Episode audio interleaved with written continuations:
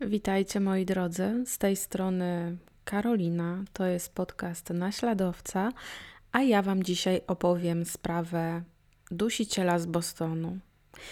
Zapraszam do słuchania.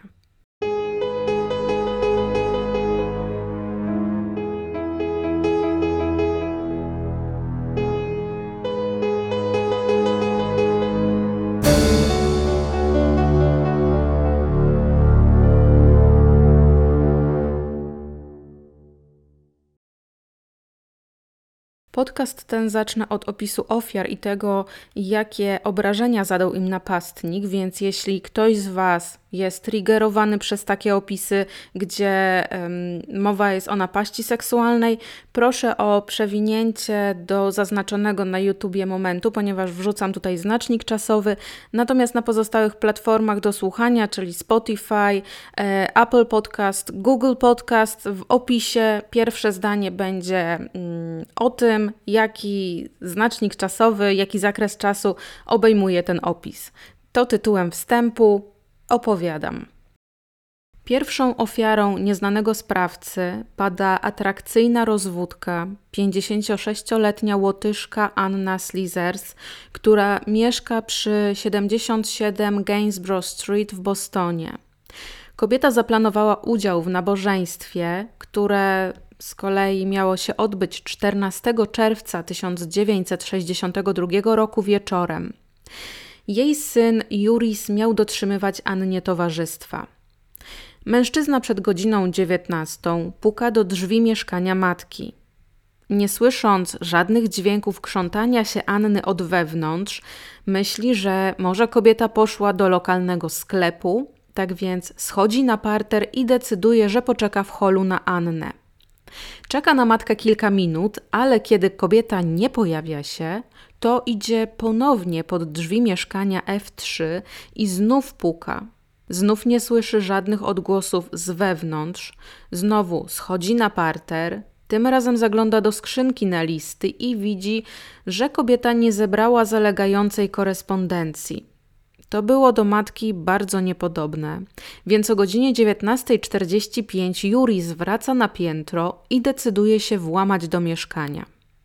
Kiedy już dostaje się do środka, jego oczom ukazuje się widok, którego się nie spodziewał.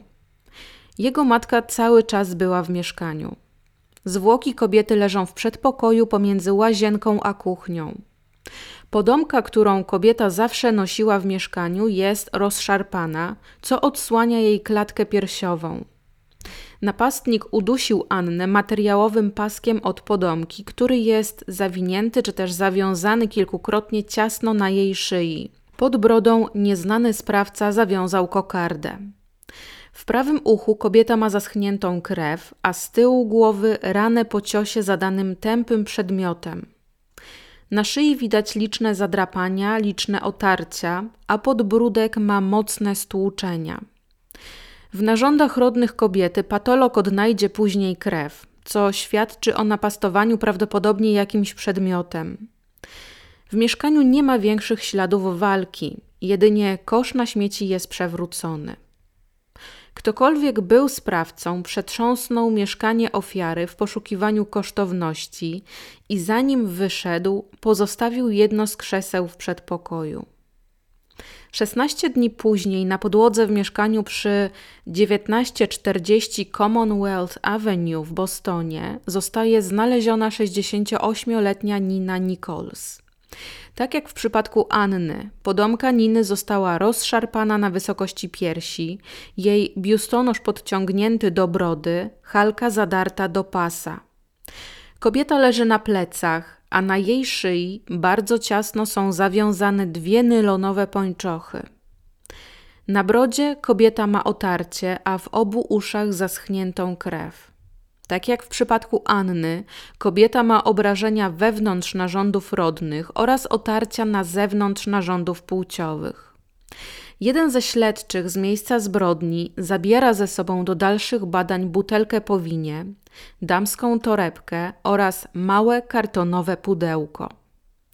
2 lipca 1962 roku o godzinie 18 w mieście Lynn, oddalonym o około 20 km na północny wschód od Bostonu, zostaje znaleziona 65-letnia Helen Blake. Znaleziska dokonuje jej gospodyni, która ostatni kontakt miała z pracodawczynią 29 czerwca wieczorem. Kobiety rozmawiały przez telefon. Helen leży w swoim własnym łóżku. Jest ułożona na brzuchu, a jej nogi rozsunięte są na obie strony, twarz zwrócona na lewo. W obu uszach kobieta ma zaschniętą krew. Na szyi ma zawinięte ciasno dwie pończochy, które supeł mają zrobiony na karku. Ponad pończochami znajduje się biustonosz, który zawiązany jest pod jej brodą. Górna część piżamy podciągnięta jest do ramion i pod brodę. Ma na sobie zaschnięte krwawe plamy. Takie same plamy śledczy później zobaczą na spodniach oraz na pościeli. Narządy rodne oraz odbyt kobiety nosi ślady penetracji przedmiotem niewiadomego pochodzenia. 11 lipca 1962 roku, we wtorek rano, pokojówka Eva Day wchodzi do pokoju numer 7, który znajduje się na drugim piętrze hotelu Roosevelt, umiejscowionym przy Washington Street i staje w obliczu widoku, jakiego się totalnie nie spodziewa. Na łóżku leży martwa starsza kobieta. Według księgi meldunkowej to baronowa Spini, która wcześniej pojawiła się w hotelu w towarzystwie barona Spini. Jak się okazuje, żadna to baronowa, a i adres i telefon podany przy meldunku są fałszywe. Dopiero za piątym razem z sukcesem udaje się zidentyfikować kobietę. Jest to 60-letnia Margaret Davis, pracująca jako pomoc domowa w domu dobrego pasterza w dzielnicy Jamaica Plain w Bostonie. Kobieta pracuje tam od czerwca, więc relatywnie od niedawna. Walczy także z chorobą alkoholową, jednak z niewielkim skutkiem. 21 sierpnia 1962 roku wieczorem bostońscy funkcjonariusze wkraczają do mieszkania w budynku numer 7, położonego przy Groove Street. Wewnątrz odnajdują 75-letnią Idę Irga, która, jak wykazuje autopsja, zmarła dwa dni wcześniej. Jej nocna koszula jest rozdarta od góry do dołu, odsłaniając jej ciało. Sprawca ułożył nogi kobiety, każdą na jednym z krzeseł ustawionych obok jej ciała. Pod pośladkami Idy umieścił poduszkę bez poszewki. Poszewka owinięta jest ciasno wokół szyi starszej pani. Pod ciałem kobiety znajdowała się bardzo duża ilość krwi. Krwią wysmarowana jest cała twarz kobiety, jej usta i jej uszy. Na podłodze sypialni leży prześcieradło, koc, para kobiecych majtek i dwie spinki do włosów, takie spinki z grzebykami, które były takie wsuwane. Na podłodze widać krwawe ślady ciągnięcia. Napastnik zaatakował swoją ofiarę w sypialni. Potem zawlókł ją do salonu i znowu przeciągnął stamtąd do sypialni. Na jej narządach płciowych śledczy widzą niewielkie obrażenia. Ida ułożona jest nogami w stronę drzwi wejściowych, a w tym stanie znalazł ją jej młodszy brat Harry. Gazeta The Globe z pierwszej strony krzyczy tytułem artykułu Wdowa, piąta ofiara dusiciela. Jane Sullivan została zaatakowana przez nieznanego sprawcę dnia 21 sierpnia 1962 roku w swoim domu pod numerem 435 przy Columbia Road, do którego przeprowadziła się 1 lipca tego samego roku. Kobieta od ponad tygodnia nie daje znaku życia, więc jej siostra wysyła swojego syna, żeby sprawdził, czy z ciotką wszystko w porządku i jaki jest powód nieodzywania się. I tak czterdziestoletni Denis Mahoney wkracza do łazienki ciotki, by zobaczyć coś, na co prawdopodobnie nie był przygotowany. Ciotka klęczy w wannie, w której znajduje się kilkanaście centymetrów wody. Jej głowa umiejscowiona jest pod kranem, a stopy skierowane w stronę tylnej części wanny. Podomka kobiety podciągnięta jest do góry, bielizna ściągnięta do kostek.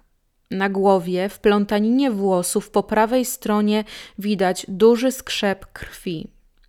Na szyi kobiety ciasno owinięte są dwie pończochy, a kość gnykowa roztrzaskana, co ujawni późniejsza autopsja, podobnie jak to, że kobieta nie była ofiarą napastowania ani waginalnego, ani analnego.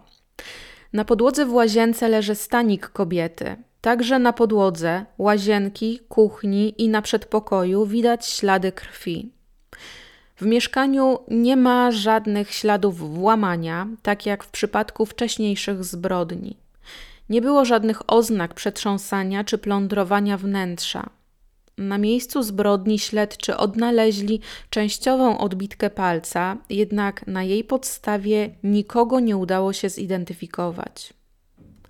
5 grudnia 1962 roku na ciało swojej współlokatorki, dwudziestoletniej Sophie Clark, natyka się studentka Gloria Todd. Ofiara leży na plecach z nogami rozłożonymi na obie strony, na sobie ma podomkę, pas od pończoch oraz buty. Pod pasem do pończoch miała coś, co z braku laku nazwę pasem menstruacyjnym, czyli był to taki pas materiału, do którego przymocowaną miała podpaskę, a w zasadzie jej część. Na szyi ofiara zarzucona ma półhalkę, a nad nią ciasno zawiązane wokół karku pończochy. W pobliżu ciała kobiety na podłodze leżą stanik, fragment podpaski oraz majtki Sofii. Ofiara nie ma na głowie żadnych obrażeń, żadnych obrażeń nie ma też na narządach płciowych. Patolog, który później będzie badał dziewczynę, nie stwierdzi obrażeń wewnątrz narządów rodnych i w odbytnicy. Przyczyną śmierci panny Clark było uduszenie. W toalecie znaleziono niedopałek papierosów marki Salem, być może niedopałek zostawili współlokatorzy Sofii, ponieważ oni byli palaczami i między innymi palili papierosy marki Salem. Na dywanie w pobliżu ciała śledczy znajdą plamę spermy. Wśród rzeczy w pokoju ofiary zostaje znaleziona powieść, może lepszym określeniem będzie tutaj powiastka erotyczna pod tytułem Jedwabne pończochy, która opowiadała historię uwodzącej mężczyzn kobiety, która nosiła właśnie tytułowe jedwabne pończochy. Zakładając, że za tymi siedmioma zbrodniami stoi ten sam sprawca, to w przypadku Sofii odszedł on od jednego modelu ofiary czyli starsza, samotnie mieszkająca biała kobieta, którą napastował seksualnie. Sophie jest czarnoskórą dwudziestolatką. Mieszka z dwójką współlokatorów, jest zaręczona i nie została przez tego nieznanego sprawcę napastowana. 31 grudnia 1962 roku szef 22-letniej Patricia Bizet mają podwieźć do pracy i zahacza o jej mieszkanie przed godziną 8 rano. Puka do drzwi mieszkania kobiety, jednak nikt mu nie odpowiada, w związku z czym jedzie on do siedziby firmy Engineering Systems Incorporated. Kiedy okazuje się, że Patricia nie ma w biurze, zaniepokojony mężczyzna dzwoni do jej domu. Połączenia pozostają bez odpowiedzi i na tyle to go niepokoi, że wraca do mieszkania przy Park Drive 515 i z pomocą dozorcy od strony okna wchodzi do mieszkania swojej sekretarki. Zastaje młodą kobietę leżącą w łóżku z kołdrą i kocem podciągniętymi aż do jej brody. Z początku wygląda tak, jakby kobieta spała, ale nic bardziej mylnego. Patricia nie żyje. Na jej szyi zaciśnięta jest pojedyncza pończocha, do tego dwie inne skręcone razem oraz bluzka. Jak się okaże, podczas dokładnego badania przeprowadzonego przez patologa, na krótko przed śmiercią kobieta odbyła stosunek płciowy, a jej odbyt nosił ślady obrażeń. Autopsja wykaże także, że była w pierwszym miesiącu ciąży. Dozorca potwierdził, że młoda kobieta nie była mężatką i mieszkała sama. 6 marca 1963 roku nieznany sprawca brutalnie kończy życie 68-letniej samotnej Mary Brown. W przeciwieństwie do poprzednich ofiar, kobieta mieszka w Lawrence w stanie Massachusetts pod numerem 319 przy Park Street. Została uderzona w głowę, dźgnięta i uduszona. Przyczyną śmierci nie było uduszenie, a pobicie. Przed śmiercią została także napastowana seksualnie. Gorset, który kobieta nosiła za życia, ściągnięty był aż do jej lewej stopy. Na stopach miała kalosze, a na nogach pończochy. Czarna sukienka została przez sprawcę podciągnięta aż do brody i zarzucona na głowę. Gardło ofiary było mocno posiniaczone. Podłoga w okolicy głowy pokryta była jej krwią, nóż lub widelec wbity był aż po samą rączkę w pierś Mary. 6 maja 1963 roku ofiarą mordercy pada Beverly Summons.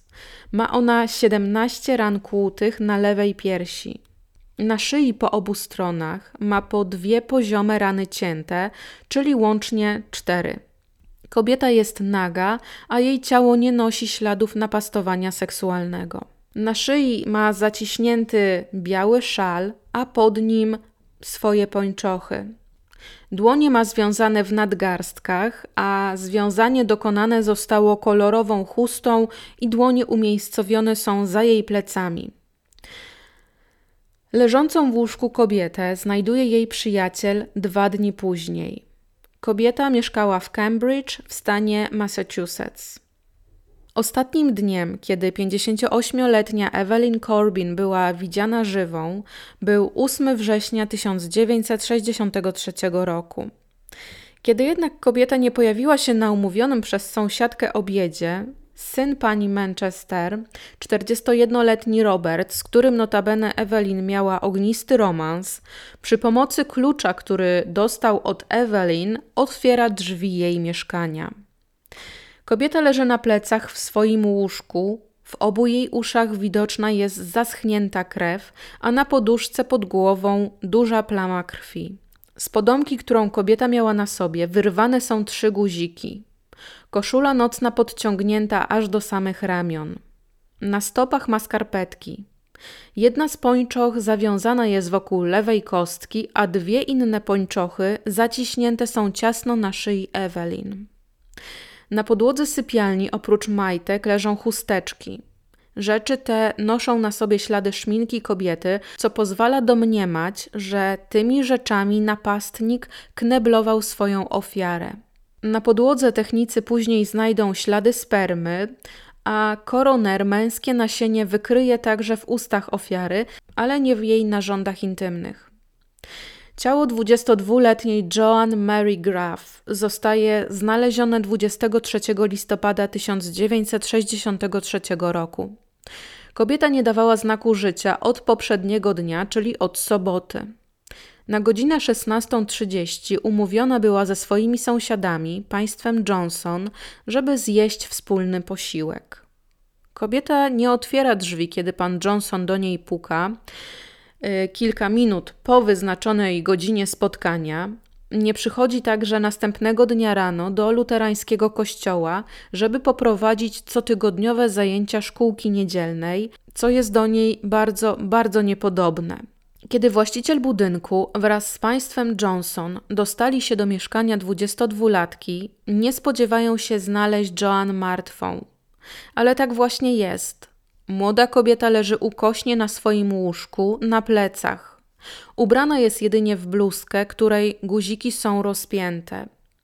Na szyi, zaciśnięte i mocno związane, ma dwie pończochy oraz trykot. Na jednej z pończoch zrobiony jest węzeł babci. Niestety nie mam żadnej wiedzy w temacie takich wiązań i węzłów, dlatego posłużę się y, Googlami, żeby pokazać Wam, jak ów węzeł wyglądał.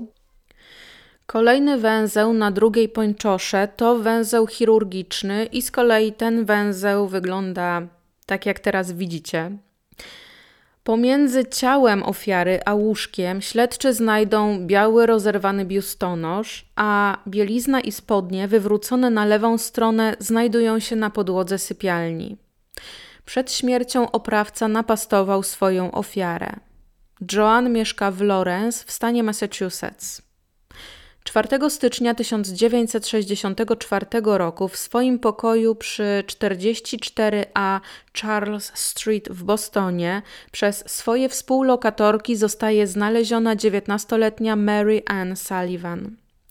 Dziewczyny zaledwie 20 minut przed przybyciem na miejsce policjantów zastają Mary Ann siedzącą w swoim łóżku. Sprawca pod jej pośladki włożył poduszkę, poluzował i podciągnął do góry biustonosz, bluzkę, którą miała na sobie, rozpiął. Na szyi napastnik zacisnął jej pończochę, jedwabną chustę oraz szal. Te trzy rzeczy związane były razem. Jej kolana są zgięte, a uda rozłożone na boki. Z pochwy wystaje kij od szczotki. Piersi Mary Ann są poranione, a z uchylonych ust kapie na prawą poranioną pierś męskie nasienie. Przy lewej stopie leży kartka, na której skreślone są trzy słowa: Happy New Year, czyli szczęśliwego nowego roku. Śledczy z bostońskiej policji nie są w stanie rozwiązać żadnej sprawy. Począwszy od pierwszego do ostatniego morderstwa, nie mają żadnych konkretów. Komisarz Edmund McNamara mierzy się nie tylko z dziewięcioma zbrodniami dokonanymi na terenie swojej jurysdykcji, ale także ze zbrodniami niezwiązanymi z dusicielem. Wszystko to w oparach podkopywania jego autorytetu, politycznych gierek, planach na zmniejszenie ilości śledczych pracujących na posterunku, ten plan akurat wyszedł od samego komisarza, oraz nazywanie zarówno jego, jak i funkcjonariuszy policji głupimi i niekompetentnymi. Edmund McNamara nie jest policjantem, który piął się po szczeblach kariery, by w końcu z rąk burmistrza miasta dostać awans na komisarza. On pochodzi z szeregów FBI. Pracował on w agencji 16 lat, a dla porządku dodam, że bostońska policja i FBI nie darzą się wtedy sympatią, a wręcz stosunki między nimi są napięte do granic możliwości. Wzajemna niechęć ma swoje początki sięgające roku 1950, kiedy miał miejsce napad na bank znajdujący się w budynku Brinka w Bostonie, skąd 11-osobowa grupa zorganizowana wyniosła prawie 2 miliony 800 tysięcy dolarów w gotówce w czekach, w przekazach pieniężnych i w papierach wartościowych, co wtedy było największym i najbardziej zuchwałym skokiem na bank w historii Stanów Zjednoczonych. Wtedy policja bostońska ścigała się z agencją, kto pierwszy rozwiąże sprawę i kto pierwszy złapie sprawców tej zuchwałej napaści. Gazeta Boston Globe publikuje rady, jakie udziela komisarz, a ja pozwolę sobie je teraz przytoczyć. Upewnij się, że wszystkie drzwi i okna są zamknięte. Poproś dozorcę w budynku, by upewnił się, że drzwi wejściowe do budynku są zabezpieczone i zamknięte. Nie wpuszczaj do mieszkania nikogo, kogo nie znasz. Natychmiast powiadom Departament Policji, jeśli zauważysz, że ktoś w sąsiedztwie zachowuje się podejrzanie. Pamiętaj, że Departament Policji potrzebuje wszystkich informacji, które mogą mieć związek z przestępstwem. Ślusarze w tamtym czasie mają swój tłusty czas, ponieważ ludzie życzą sobie montażu dodatkowych zamków i zasuwek w drzwiach. Starsze kobiety ustalają ze swoimi najbliższymi, ewentualnie sąsiadami, dzwonienie trzy razy dziennie do siebie, żeby sprawdzić, czy wszystko jest z nimi w porządku. Ludzie masowo wykupują broń oraz nie tylko psy stróżujące, ale w zasadzie każdy pies jest potrzebny. Przez 18 miesięcy ludzie byli spanikowani. Kapłani także nawołują z ambony, żeby kobiety uważały na siebie i sprawdzały przed pójściem spać, czy aby na pewno wszystkie zamki w drzwiach są zamknięte. Panika sięga zenitu, a niektórzy twierdzą, że to sam Kuba rozpruwacz wrócił z zaświatów i obrał na cel bostońskie kobiety. Powróćmy jednak do tematu policji bostońskiej. Śledczy są przekonani, że szukają kilku sprawców. Zresztą myślę, że dosyć spora różnorodność ofiar może prowadzić do takich konkluzji. Najpierw ofiarami padają białe starsze kobiety, potem czarnoskóra młoda, potem młode białe, zmienia się sposób działania, chociaż wiele punktów jest wspólnych. Tak samo myślą śledczy z pozostałych miast Lynn, Salem oraz Lawrence. Śledczy mają kilku podejrzanych, ale mężczyźni ci z powodu braku powiązań ze zbrodniami zostają tylko podejrzanymi. Mimo, że początkowo każdy z nich wygląda bardzo obiecująco.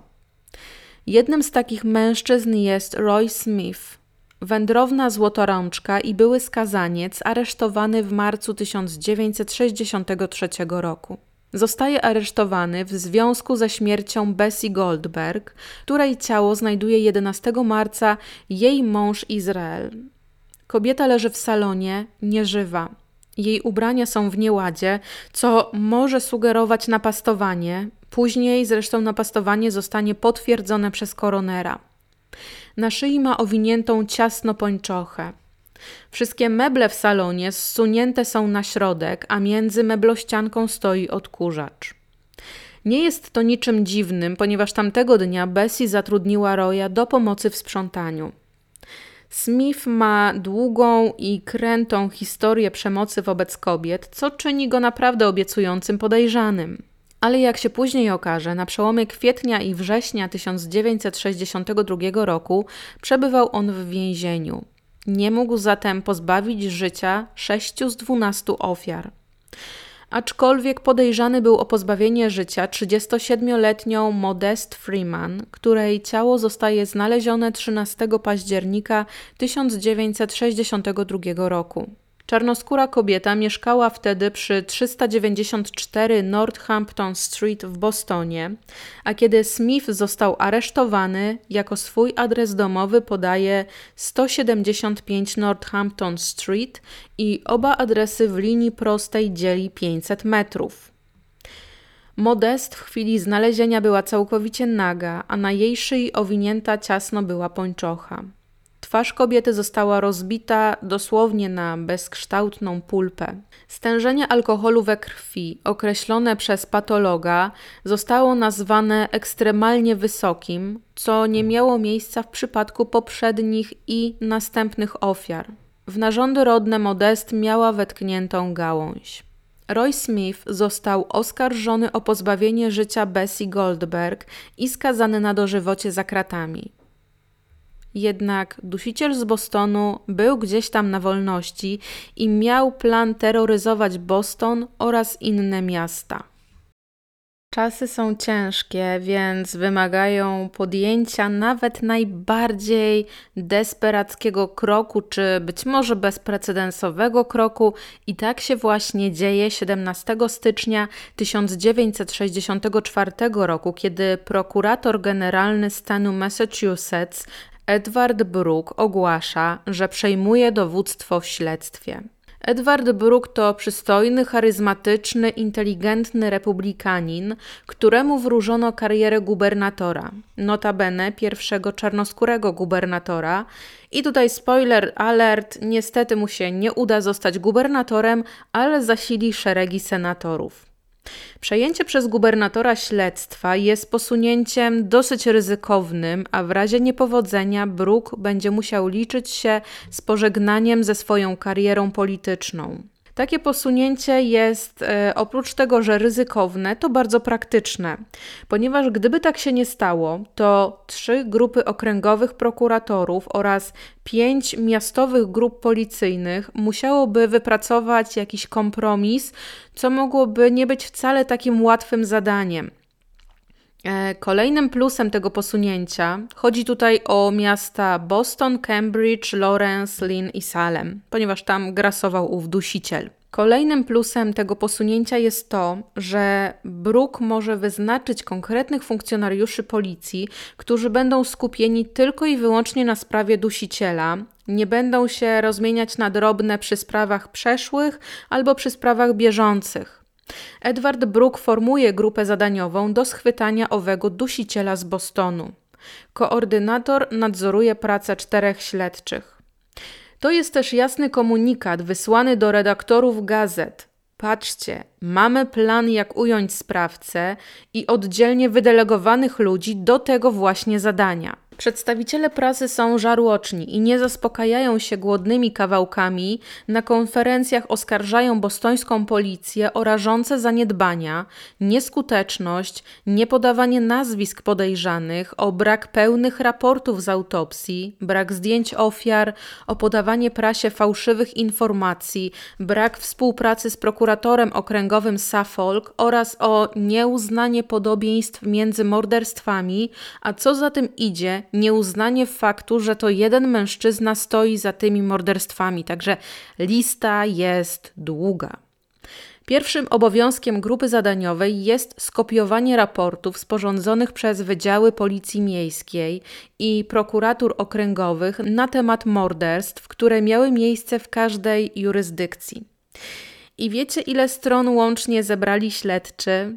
Otóż zebrali 37 500 stron. Każda ofiara ma swoją księgę. Oryginalnych stron jest 7500, jednak każda strona została skopiowana pięć razy, a następnie rozesłana do Komitetu Medyczno-Psychiatrycznego, do Biura Identyfikacji Massachusetts, do Wydziału Zabójstw w Bostonie, a dwie kopie zostały w pokoju grupy zadaniowej. Lokalna firma komputerowa proponuje całkowicie bezpłatnie analizę i porównanie wszystkich danych zebranych podczas śledztwa i oferta ta jak najbardziej zostaje przyjęta. W pomoc włączają się także lokalne biura detektywistyczne, a opinia publiczna zostaje zmobilizowana możliwością anonimowego przesłania wszelkich informacji, które można uznać za mające jakikolwiek związek z przestępstwami na wynajętą do tego celu skrytkę pocztową. Uruchomiono także numer oraz wewnętrzny dedykowany sprawie dusiciela. I obok całkiem sensownych listów i wskazówek w sprawie pojawiają się też takie kwiatki jak Dusiciel z Bostonu to potwór w stylu Frankensteina, który powstał przy pomocy kiły. Inna teoria brzmiała, że to naukowcy opętani manią seksualną wszczepili więźniom z New Haven elektroniczne urządzenia, zmieniając ich tym samym w mordercze indywidua, spośród których jeden się zerwał i uciekł i udał w stronę Bostonu. Dusiciel miał posiadać magiczne moce i umieć przenikać przez drzwi i rozpływać się w powietrzu, a kobieta, która dowodziła tej teorii, była jej tak pewna, że zgłaszała nawet roszczenia do nagrody pieniężnej. I wybaczcie, ale o tym się nie da naprawdę mówić tak super na poważnie. Rzekomo tylko i wyłącznie medium miało dać radę rozwiązać sprawę dusiciela z Bostonu, a jeden mężczyzna, który określił się samozwańczym medium, wysłał list z informacją, iż on przewidział śmierć jednej z ofiar, a sprawcą ma być czarnoskóry i zniewieściały transmężczyzna. Także nie ma lekko, ale przynajmniej śledczy pocieszają się, że do dnia 15 sierpnia 1964 roku, mimo że sprawca jest nadal niezłapany, to nikogo nie zamordował od ostatniej zbrodni. Komitet medyczno-psychiatryczny ma za zadanie stworzenie profilu osoby, a raczej osób odpowiedzialnych za te zbrodnie. Zgadza się? Ludzie ci, tak samo jak śledczy, uważają, że niemożliwym jest, żeby tylko jedna osoba stała za tymi wszystkimi zbrodniami. W wypuszczonym 18 sierpnia 1964 roku raporcie znajdujemy takie zdania. Margaret Davis, Modest Freeman i Mary Brown według raportu mają być ofiarami złodzieja lub yy, osoby płci męskiej, bliskiej tym kobietom, z którym te kobiety się pokłóciły. W pozostałych przypadkach morderca atakował starsze kobiety, a w pozostałych przypadkach morderca najpierw atakował starsze kobiety, a potem na cel miałby wziąć młodsze. To nie miało sensu według konsultantów, bo jeśli morderca ma jeden typ ofiary, to zmiana grupy wiekowej nie brzmi nadal jak ten sam atakujący człowiek.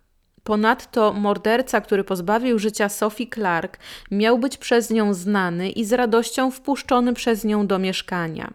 Skąd wiem, że z radością? Tak mówią źródła.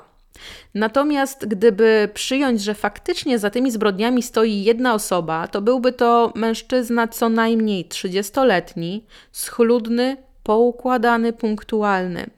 Najprawdopodobniej kawaler, albo w separacji, albo rozwodnik, podsumowując taki, który mieszka sam. Pracuje fizycznie albo ma hobby związane z robótkami ręcznymi. Nie ma bliskich przyjaciół, nie zwraca na siebie uwagi postronnej osoby. Jego matka może być ogarnięta, schludna, uwodzicielska, karząca i dominująca nad swoim synem. Prawdopodobnie to kobieta samotna z nastawieniem, że mężczyzna potrzebny był jej jedynie do spłodzenia dziecka, a nie do dalszego wspólnego życia. Jeśli chodzi o jej zachowanie i ubranie, to po domu przemieszcza się całkowicie nieubrana, a jeśli tylko widzi, że syn jest nią zainteresowany niezdrowo i patrzy intensywniej niż powinien, to gasi jego zapędy seksualne w zarodku. Pan S, jak zostaje przez konsultantów nazwany, może też mieć starszą siostrę. Dni mijają.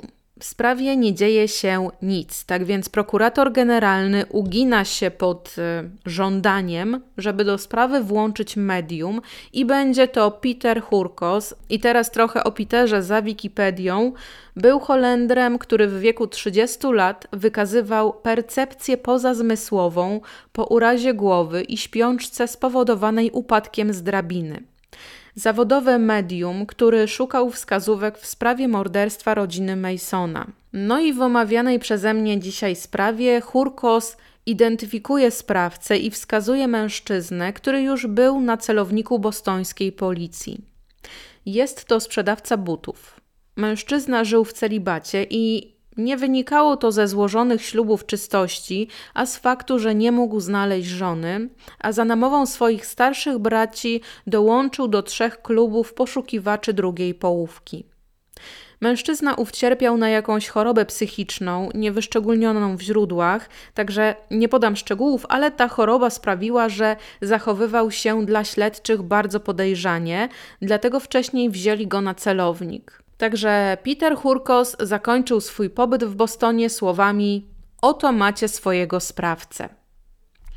Dni, miesiące, kolejny rok mija, sprawa dusiciela jest nadal nierozwiązana.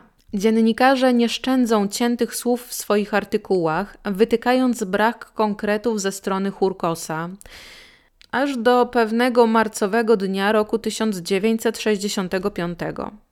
Tamtego dnia w stanowej placówce Bridgewater w Massachusetts jeden z więźniów przyznaje się do bycia dusicielem z Bostonu, a imię jego Albert Henry DiSalvo. No i teraz czas, żebyśmy się zapoznali bliżej z tym oto Albertem. Urodził się on 3 września 1931 roku i był jednym z sześciorga dzieci Charlotte i Franka DiSalvo. Oboje oni pochodzą z wyspy e, opisanej jako leżącej pośrodku Atlantyku, czyli z Nowej Fundlandii. Rodzeństwo Alberta, idąc od najstarszej, to urodzona w 1928 roku Charlotte, potem jest Joseph, Dorothy, Richard oraz Frank DiSalvo Jr. Albert jest trzecim dzieckiem w kolejności, który pojawia się między Josephem a Dorothy. Między najstarszym a najmłodszym dzieckiem jest 10 lat różnicy. Franka di Salvo Seniora można określić mm, jednym dosadnym współczesnym słowem, czyli patus. Z zawodu maszynista i rybak odmawia utrzymania dzieci i żony, co sprawia, że wielokrotnie obserwuje świat z zakrat. Znęca się nad swoimi dziećmi i żoną, bijąc wszystkich i nikogo nie oszczędzając pięściami albo pasem. Kilkukrotnie grozi Charlotte bronią, pewnego razu łamie jej wszystkie palce u jednej z dłoni, kiedy indziej wpycha żonę do pralki z wyżymaczką, co kobieta przypłaca siniakami i zadrapaniami. Frank sprzedał Alberta i jego dwie siostry rolnikowi za 9 dolarów. Regularnie przyprowadzał do domu panie do towarzystwa i na oczach całej rodziny odbywał z nimi stosunki seksualne. Rzekomo to ojciec nauczył Alberta, jak kraść w sklepach. Robert Di Salvo potwierdzi później słowa brata i będzie opowiadał, jak to spędzał czas pod swoim łóżkiem, ponieważ tam czuł się bezpieczny, schowany przed swoim ojcem. Albert w roku 1937 rozpoczyna naukę w szkole podstawowej. Pięć lat później zostaje przepisany do klasy specjalnej w Williams School w Chelsea.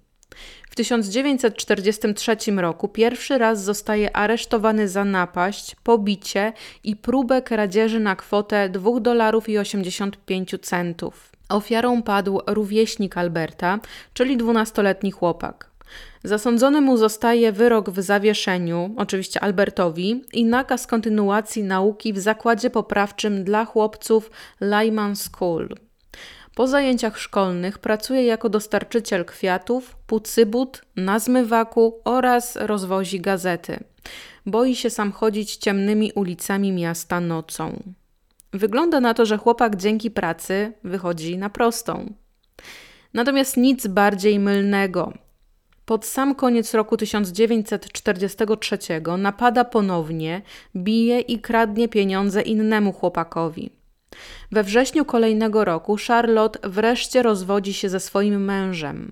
Ona i dzieciaki mogą wreszcie żyć spokojnie.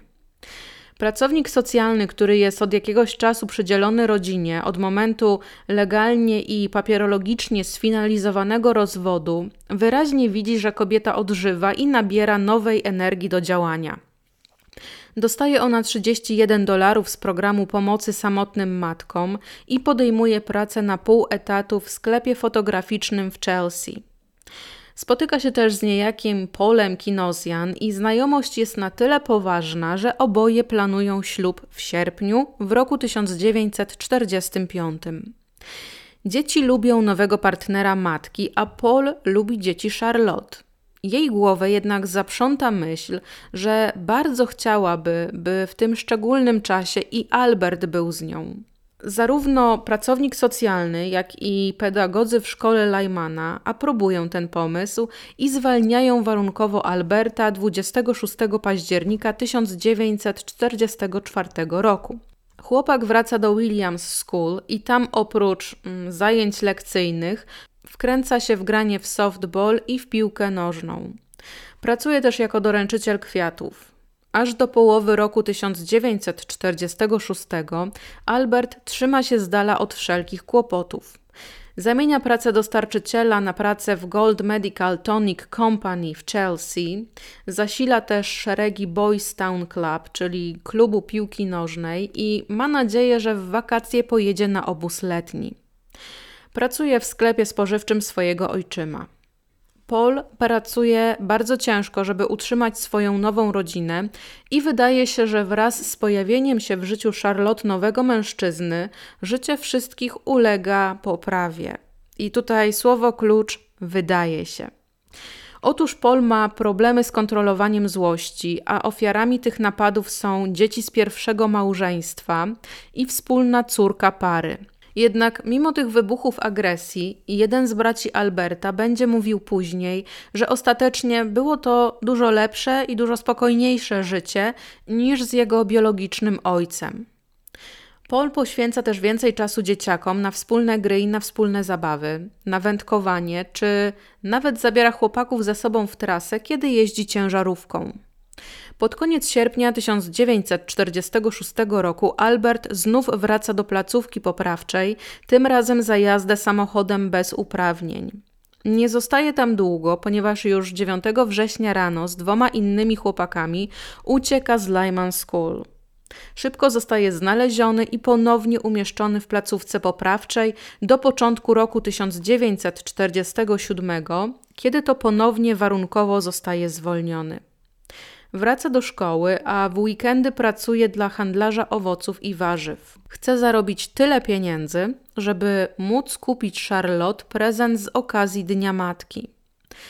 Do końca roku 1948 trzyma się z dala od kłopotów, wstępuje do YMCA, pracuje dorywczo m.in. jako pucybut, w domu nie stwarza żadnych problemów. Aktualnie jego celem życiowym staje się ukończenie dziewiątej klasy w szkole Williams i zaciągnięcie się do armii. Jak pomyślał, tak też i zrobił, a w lato 1948 roku pracuje jako kelner. Niestety jego wniosek o przyjęcie go do wojska zostaje odrzucony. chłopak nadal w papierach ma warunkowe zwolnienie z placówki Lyman. Nieco rozgoryczony zmienia pracę i staje się pracownikiem pralni. Jednak dosyć szybko okazuje się, że to zajęcie jest bardzo tymczasowe, ponieważ armia ponownie rozważa jego kandydaturę. W czynnej służbie Albert będzie dwa razy. Pierwszy raz od 16 września 1948 roku do 25 czerwca 1951 roku i drugi raz od 26 czerwca 1951 roku do 15 lutego 1956 roku. Obie kadencje kończy z honorowym wyróżnieniem. Podczas jednej z nich zostaje wysłany do Niemiec i tam w roku 1949 poznaje kobietę Irmgard Beck. W lipcu 1951 zostaje wysłany do Camp Kilmer w New Jersey. Tam dopuszcza się wykroczenia wojskowego, za co zostaje postawiony przed sądem wojskowym i zdegradowany do stopnia szeregowca. W grudniu 1953 roku Albert i Irmgard pobierają się. Albert od tego czasu będzie przenoszony jako wojskowy z Fort Hamilton położonego w stanie New York do Fort Dix w stanie New Jersey. 5 stycznia 1955 będzie aresztowany za znęcanie się nad dzieckiem, a nieco dwa miesiące później za włóczęgostwo. Też w roku 1955 na świat przychodzi córka małżeństwa Judy. Niestety dziecko rodzi się z chorobą miednicy, jak to zostało określone w źródłach. Od pierwszych dni życia Judy, Irmgard z powodu strachu przed zajściem w ciążę zaprzestaje kontaktów seksualnych z mężem. Kobieta obawia się, że dziecko, które mogą począć, może cierpieć z powodu upośledzenia gorszego niż starsza siostra. W roku 1956 Albert kończy służbę w wojsku i przenosi się razem z rodziną do Chelsea. Zaczyna zarówno nową pracę, jak i pasmo kolejnych aresztowań za m.in. kierowanie sygnalizacją świetlną, włamanie, kolejne włamanie do sklepów walentynki, kiedy to bardzo romantycznie chce zdobyć prezent z okazji dnia 14 lutego dla żony i słodycze dla córki, no i później znowu włamanie. Za te wszystkie czyny wyrok dostaje w zawieszeniu. W czerwcu Albert bierze długi urlop w pracy i wyjeżdża z rodziną do Niemiec. Wraca po dwóch miesiącach i wznawia pracę. Wznawia też swoją działalność przestępczą i pomimo recydywy we włamaniach i kradzieżach, wszystkie wyroki, jakie otrzymuje, to są wyroki w zawieszeniu. I prawdopodobnie teraz zapytacie, jak to jest możliwe? A ja Wam odpowiem, że Albert miał albo wyjątkowo utalentowanego obrońcę, albo, albo był dostatecznie skruszonym recydywistą, e, żeby sędziowie mu właśnie takie wyroki zasądzali, albo trafiał na wyjątkowo pobłażliwych sędziów. Dzisiaj to nie jest jasne, ale wtedy kombinacja tych kilku czynników na pewno musiała być skuteczna. W 1960 roku Albert stara się nie popełnić żadnych zbrodni, albo jest tak skuteczny, że mimo że je popełnia, to nie jest łapany, albo faktycznie trzyma się tego postanowienia. W tym roku na świat przychodzi drugie dziecko pary, syn Michael. A siedem miesięcy później Albert włamuje się do domu na Broadwayu, co kończy się pościgiem policjantów za nim i finalnie schwytaniem włamywacza. Przyznaje się także do posiadania narzędzi do dokonywania włamań. Usta mu się w zasadzie nie zamykają i zaczyna opowiadać coraz dziwniejsze rzeczy. Mianowicie, niejaki mężczyzna o nazwisku Johnson, reprezentujący agencję modelingową Black and White, odwiedza młode kobiety w ich mieszkaniach, po czym prosi, by one mierzyły się taśmą krawiecką i podawały mu swoje wymiary. Rzekomo skontaktować ma się później z nimi ktoś właśnie z tej agencji. E, to się nie dzieje, a niektóre kobiety zgłaszają te dziwne incydenty na policji. Policjanci z Cambridge mieli nawet swoje określenie na tego człowieka, czyli The Measuring Man, czyli tak jakby mężczyzna od pomiarów, pomiarowy mężczyzna. I według słów Alberta, to właśnie on jest tym Johnsonem, tym gościem, który chodził od mieszkania do mieszkania i prosił, by kobiety się mierzyły. Chyba nikt nie daje mu wiary w te jego opowieści, a sędzia ordynuje, żeby mężczyzna został przebadany w szpitalu psychiatrycznym, gdzie lekarze stwierdzają, że Di Salvo to socjopata. Prokurator stawia mu zarzuty kilku włamań, kilku pobić, kilku napaści oraz sprośnego zachowania. Sędzia oddala ostatni zarzut, a za pozostałe ordynuje karę po dwa lata za każdy występek, ale wyrok ma być odsiedziany nie jeden za drugim, a jednocześnie. Potem sędzia jeszcze raz dokładniej przygląda się sprawie i stwierdza, że w zasadzie to wyrok jest nazbyt surowy i skraca odsiadkę Alberta yy, i Albert finalnie w kwietniu 1962 roku jest wolnym człowiekiem. Zapewne ciśnie nam się wszystkim na usta takie pytanie, czemu kobiety wpuszczały nieznajomego do domu, zrzucały przed nim ubrania i pokazywały się w dosyć intymnym otoczeniu. Prawdopodobnie dlatego, ponieważ uśmiech Alberta roztapia każde damskie serce. Może nawet roztopił serce sędziego, który mu jeszcze ten wyrok złagodził. Jest on mężczyzną średniego wzrostu, z brązowymi włosami zaczesanymi do tyłu. Ma oczy koloru orzechowego i mocne ramiona, które są skutkiem e, uprawiania przez lata w wojsku boksu.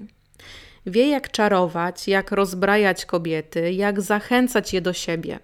Pracodawcy zupełnie nie podejrzewają, że oto ten mężczyzna ma na swoim koncie jakieś wyroki, nawet w zawieszeniu, głównie dlatego, ponieważ Albert przenosi się z pracy do pracy i nie pracuje tylko w Chelsea, ale także w okolicznych miejscowościach. W sferze życia rodzinnego Albert chce być przeciwieństwem swojego biologicznego ojca i poświęca się wychowaniu dwójki swoich dzieci, a kuzynostwo go uwielbia. Jest nadwyraz kochanym wujkiem. Żonę Irmgard traktuje niczym boginię, mimo że ich temperamenty były mocno różniące się. Irmgard jest zdystansowana, w oczach Alberta zimna zarówno emocjonalnie, jak i seksualnie, a on on potrzebuje więcej miłości, więcej czułości, więcej bliskości. Albert skreślił kilka zdań o tym, jak widział swoje małżeństwo, i teraz je wam przytoczę. To będzie moja luźna interpretacja, ale mimo wszystko cytuję. Kiedy wyszedłem z więzienia, Irm sprawiła, że czułem się jak nic nie warty. Beształa mnie przy ludziach. Podczas rozmów z innymi czasem mówiła: To nieprawda, nie wyolbrzymiaj, nie kłam zamiast po prostu mi przytakiwać. Mówiła, że jeśli raz ją skrzywdzę, to zabierze dzieci i odejdzie.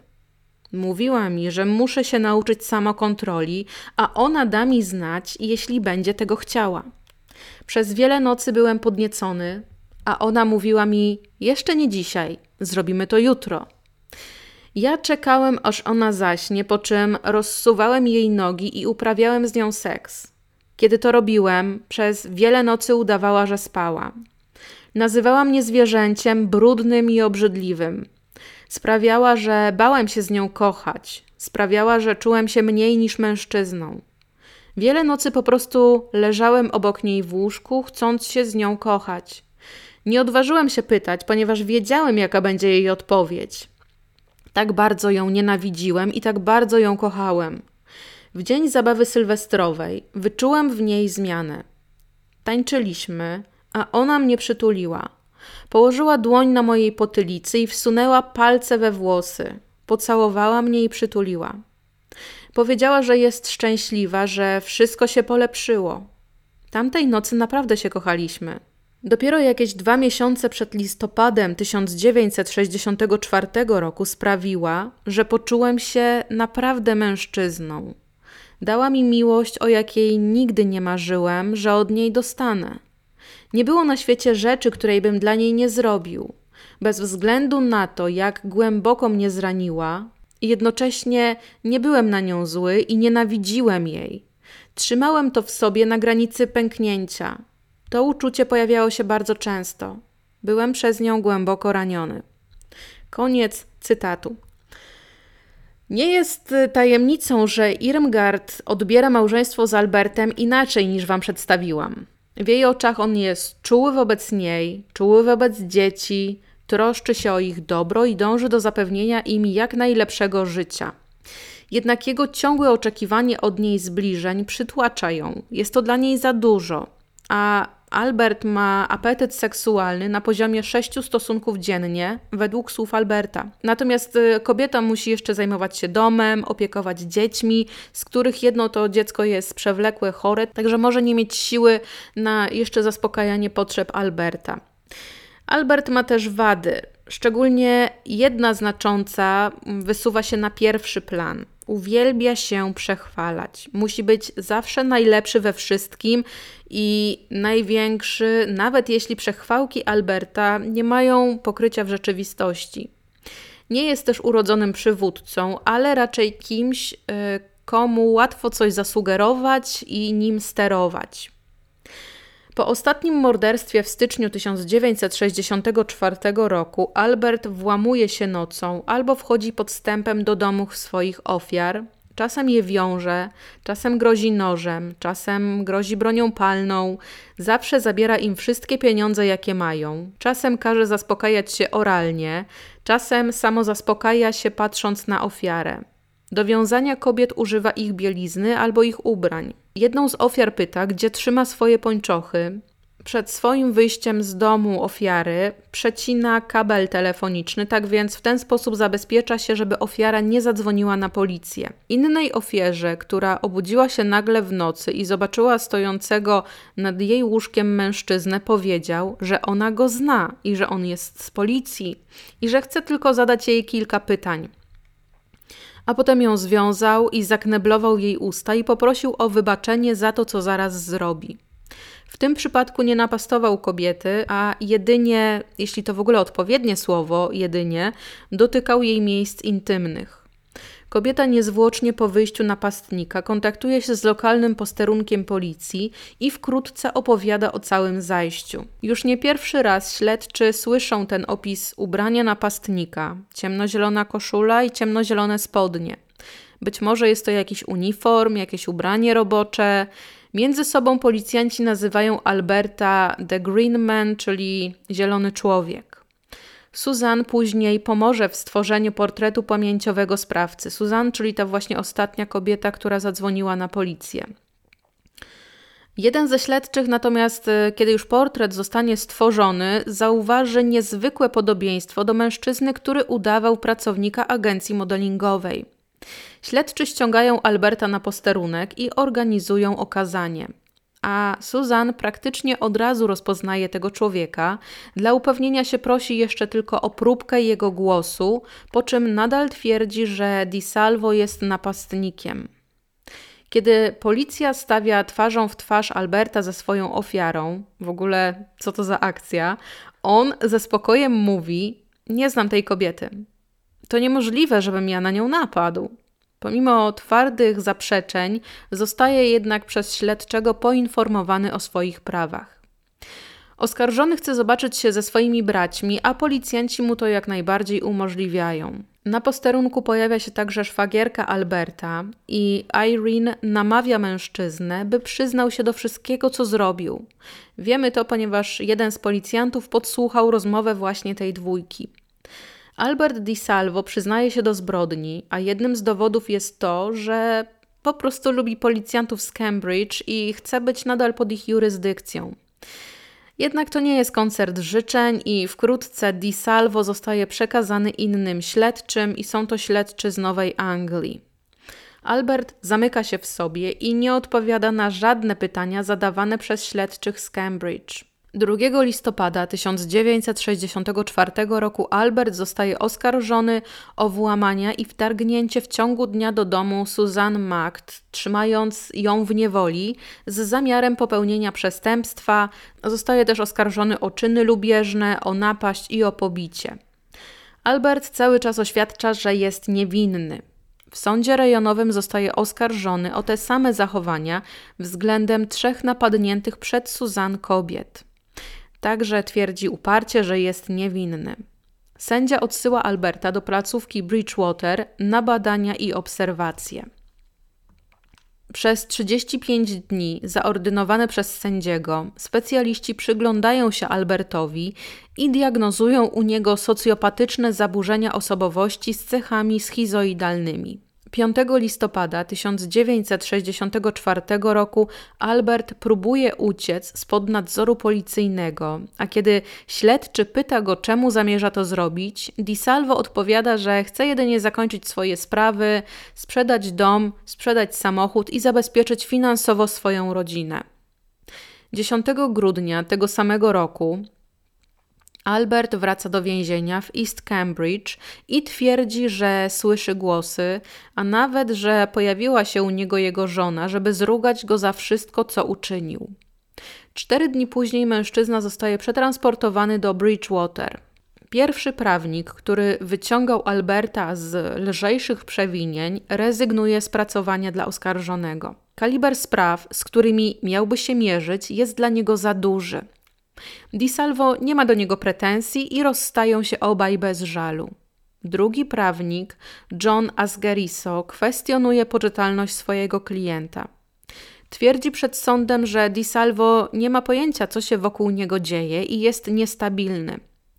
Jednak Albert, wygłaszając swoje oświadczenie przed sądem, zaprzecza temu, co mówi prawnik oraz jeden z lekarzy badających go w Bridgewater. Według zalecenia sędziego, Di Salvo ma wrócić do Bridgewater, a tam jego ścieżki skrzyżują się z innym mordercą, George'em Nassarem.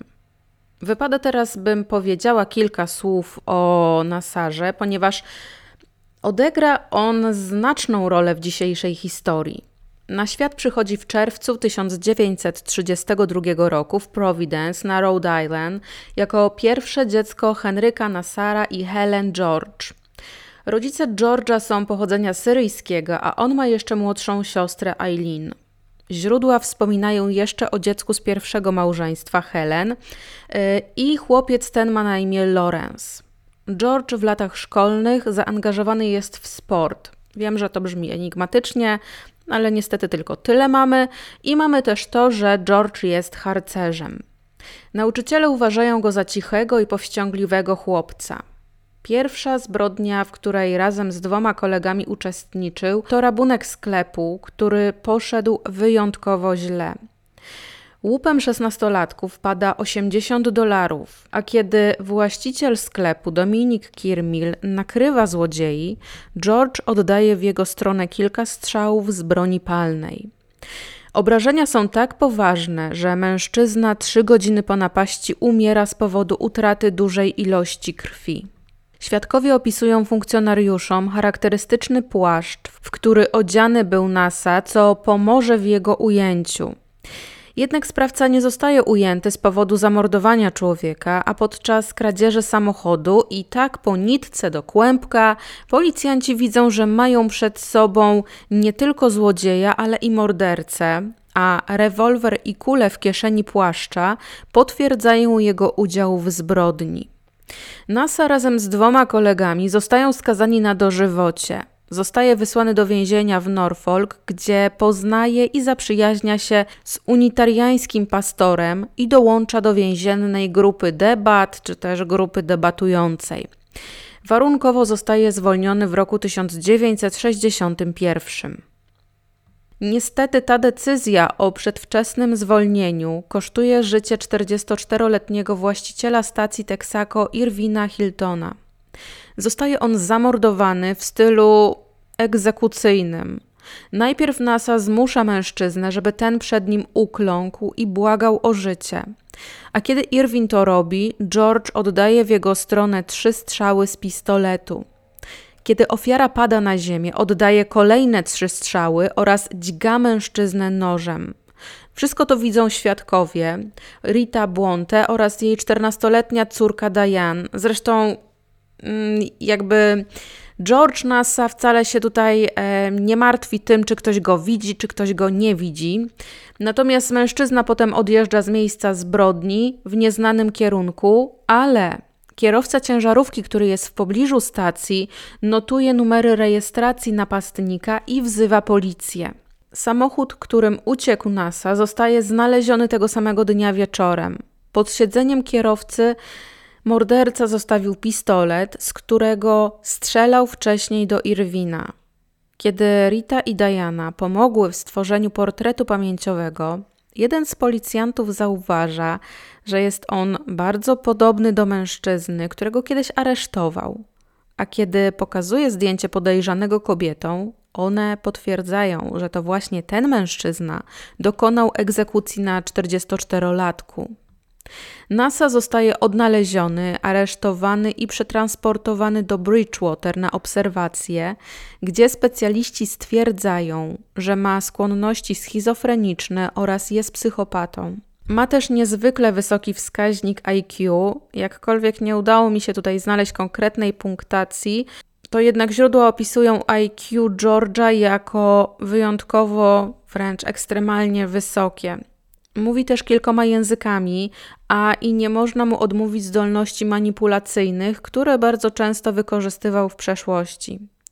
Pierwszy adwokat NASA zostaje zastąpiony nie kim innym, a sławnym, chociaż jeszcze wtedy nie aż tak bardzo sławnym, Francisem Lee Bailey. I tak to jest ten sam, który bronił sama Sheparda, którego historię opowiedziałam Wam w podcaście numer 15, oraz bronił też O.J. Simpsona, którego sprawie poświęciłam nieco więcej czasu, żeby ją opowiedzieć. I w takich oto okolicznościach pewnego dnia George Nasa spotyka Alberta Di Salvo. Obaj mężczyźni zacieśniają znajomość i to do tego stopnia, że pewnego razu Albert wyznaje George'owi, że to on jest dusicielem z Bostonu. To wyznanie sprawia, że NASA kontaktuje się ze swoim prawnikiem i przekazuje mu te informacje, a Francis Lee Bailey na tyle szybko, na ile jest to możliwe, angażuje, aranżuje spotkanie z DiSalvo a potem chce poddać Alberta testowi na wykrywaczu kłamstw. Nigdy jednak do badania nie dojdzie, a z polecenia prokuratora generalnego Bailey ma zakaz kontaktów zarówno z Albertem, jak i ze swoim klientem. W tym czasie Irmgard razem z dzieciakami wyjeżdża do siostry do Massachusetts i ma nadzieję mm, na spokój z dala od Bostonu. Znajduje się aktualnie w miejscu, gdzie nazwisko Di Salvo nikomu z niczym się nie będzie kojarzyło. Francis Lee Bailey kontaktuje się z nią 7 marca i przekazuje informację, że sprawa jej męża będzie szczegółowo poruszana następnego dnia w gazetach i prędzej czy później to się rozleje na całe Stany Zjednoczone, że ona to jest właśnie żona tego Alberta Di Salvo. No i tutaj Francis Lee Bailey doradza kobiecie zmiany danych osobowych przede wszystkim. No i najlepiej wyjazd w ogóle ze Stanów Zjednoczonych. Potem bracia Alberta potwierdzają, że jej mąż Albert Di Salvo przyznał się do bycia dusicielem z Bostonu, bo też mm, kobieta rozmawia ze swoimi szwagrami. Dziesięć dni później Irmgard dzwoni do Bridgewater i w krótkiej rozmowie telefonicznej oświadcza, że jeśli Albert nie przestanie rozpowiadać kłamstw na temat zbrodni, że to właśnie niby on jest sprawcą, to ona odbierze życie sobie, a także Judy i Michaelowi. Natomiast Albert przyznał się do pozbawienia życia 12 kobiet, które to Zbrodnie były dziełem bostońskiego dusiciela. 7 czerwca 1966 roku George Nasa zgodnie z zarządzeniem Sądu Najwyższego Massachusetts otrzymuje zgodę na ponowny proces. Dzień wcześniej drugi z klientów Baileya, Sam Shepard, też taką samą zgodę otrzymuje z ramienia Sądu Najwyższego Stanów Zjednoczonych, także prawnik ma co świętować. 17 czerwca 1966 roku Albert podpisuje zgodę wydaną pisarzowi Geroldowi Frankowi na, tutaj zacytuję, wyłączne prawo do publikowania, sprzedaży, dystrybucji, wykonywania lub innego rozpowszechniania wszystkich własności literackich i praw do materiałów biograficznych, które go dotyczą na zawsze, na całym świecie, we wszystkich językach. Koniec cytatu. W zamian za tę właśnie udzieloną zgodę ma dostać procent od sprzedaży książek i ewentualnych filmów, gdyby takie filmy gdzieś tam w przyszłości powstały. Pieniądze, które zarobi, chce wysłać swojej rodzinie. Jakkolwiek pieniędzy żadnych nie dostaje, a sam pisarz zaprzecza, żeby procent od sprzedaży miał być przekazany mężczyźnie, natomiast jedynym świadkiem tej transakcji jest Francis Lee Bailey. Dodatkowo taki podpisany przez DiSalvo dokument znajduje się w aktach Sądu Okręgowego Stanów Zjednoczonych w Bostonie. Książka napisana przez Franka zostaje opublikowana w październiku 1966 roku i z miejsca staje się bestsellerem. Między nazwiskiem Di Salvo a dusicielem z Bostonu w tym momencie postawiony zostaje znak równości. 30 czerwca 1966 roku Albert staje przed sędzią Sądu Najwyższego Middle Essex. Sprawa dotyczy ustalenia, czy oskarżony może odpowiadać w procesie o morderstwa, czy jest świadomy w ogóle tego, co się wokół niego dzieje, czy jego stan psychiczny na to pozwala. Dwóch specjalistów potwierdza, tak, mężczyzna może uczestniczyć w rozprawie. Sam oskarżony także potwierdza, że jest świadomy, że za swoje zbrodnie może otrzymać najbardziej surową karę i że cokolwiek sędzia zaordynuje, to on przyjmie to na klatę jako odpowiednią karę do tego, co uczynił. Opiekun Alberta z Bridgewater zaprzecza, zaprzecza wszystkiemu, co powiedział Albert i argumentuje, że mężczyzna tak bardzo, bardzo chce być dusicielem, że nie jest w tej swojej chęci bycia w ogóle racjonalny. Czyli Wie, że zostanie ukarany, ale nie ma świadomości, że może to być najgorsza, ostateczna kara ze wszystkich i co z tym się będzie wiązało dla niego, dla jego rodziny, dla jego bliskich, dla jego znajomych. Na przełomie lat 1965 i 1966 zostaje rozwiązana grupa śledczych dedykowana tylko i wyłącznie do złapania dusiciela dusiciel został już złapany, tak więc oni mogą wrócić do swoich poprzednich albo nowych zajęć. 10 stycznia 1967 roku rozpoczyna się omawianie sprawy Alberta na wokandzie Sądu Najwyższego Middlesex. I to się wszystko dzieje w mieście Cambridge. Ława przysięgłych zostaje obsadzona wyłącznie mężczyznami. Przed całym procesem wyboru ławników sędzia zastrzega, że detale, o których usłyszą ławniczki, są zbyt brutalne dla kobiecych uszu, co sprawia, że każda jedna kobieta odmawia tej pracy.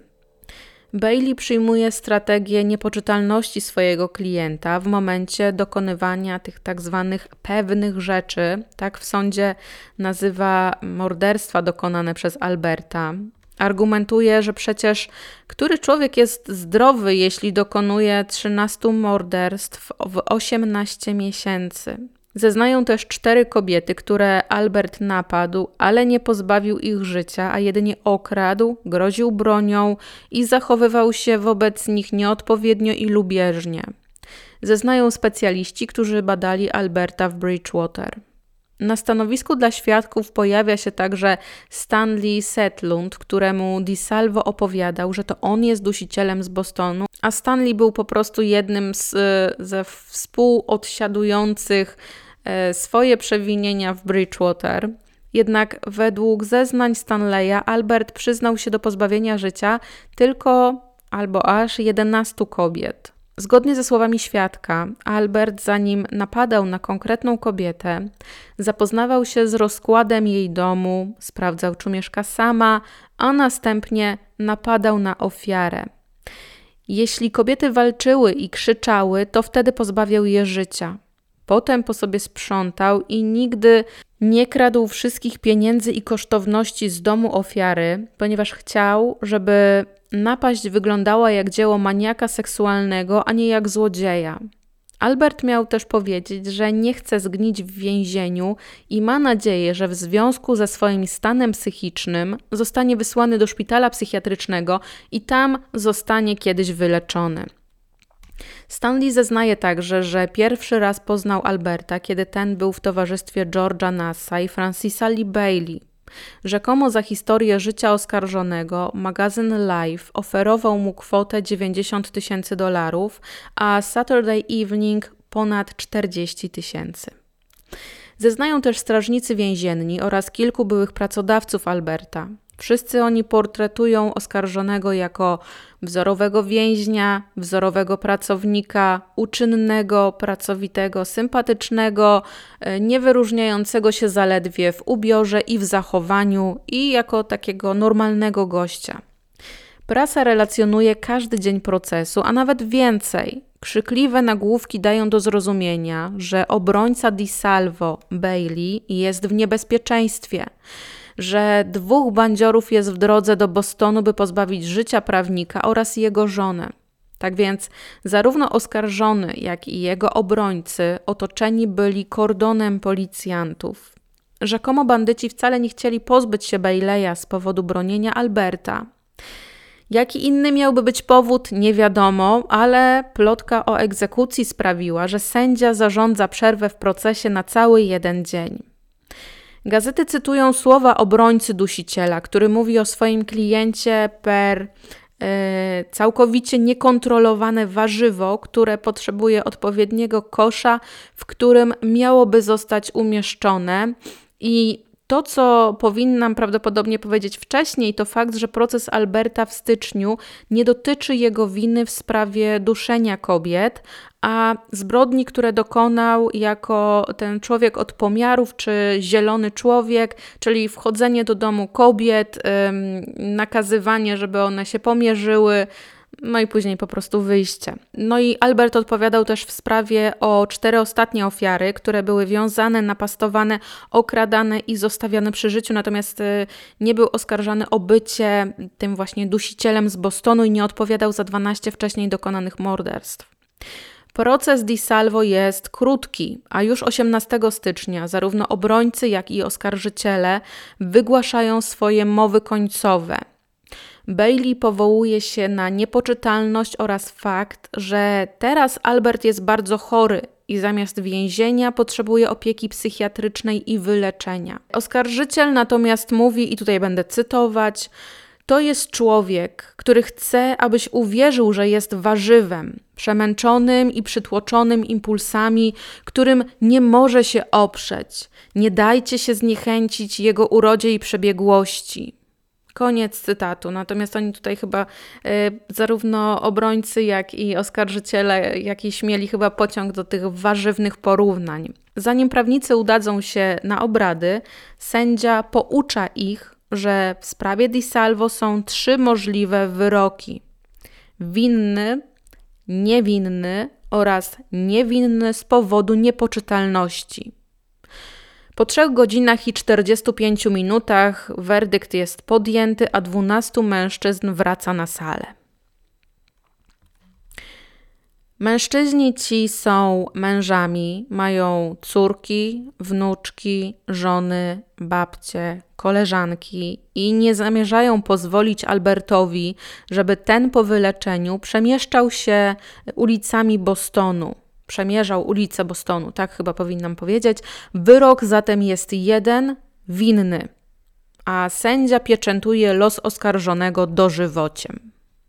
Francis Lee Bailey, chcąc zachować dobrą minę do złej gry, twierdzi, że taki był właśnie plan. On chciał uratować Alberta przed śmiercią na krześle elektrycznym i że e, dożywocie to jest w ogóle świetny wyrok dla niego.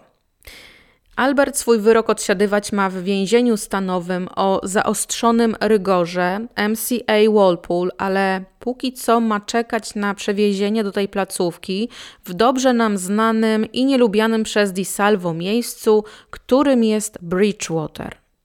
Skazaniec ma czekać w tej placówce, ponieważ jego prawnicy jeszcze w międzyczasie składają apelacje i prośby o kolejny proces, a cała ta papierologia trwa do 21 lutego. W międzyczasie na światło dzienne wychodzi, że pomimo, że Albert przyznał się do jednej ze zbrodni, to faktyczny sprawca już odsiaduje za nią wyrok, a ofiara zidentyfikowała tamtego mężczyznę i nie był to Albert jako właśnie sprawca.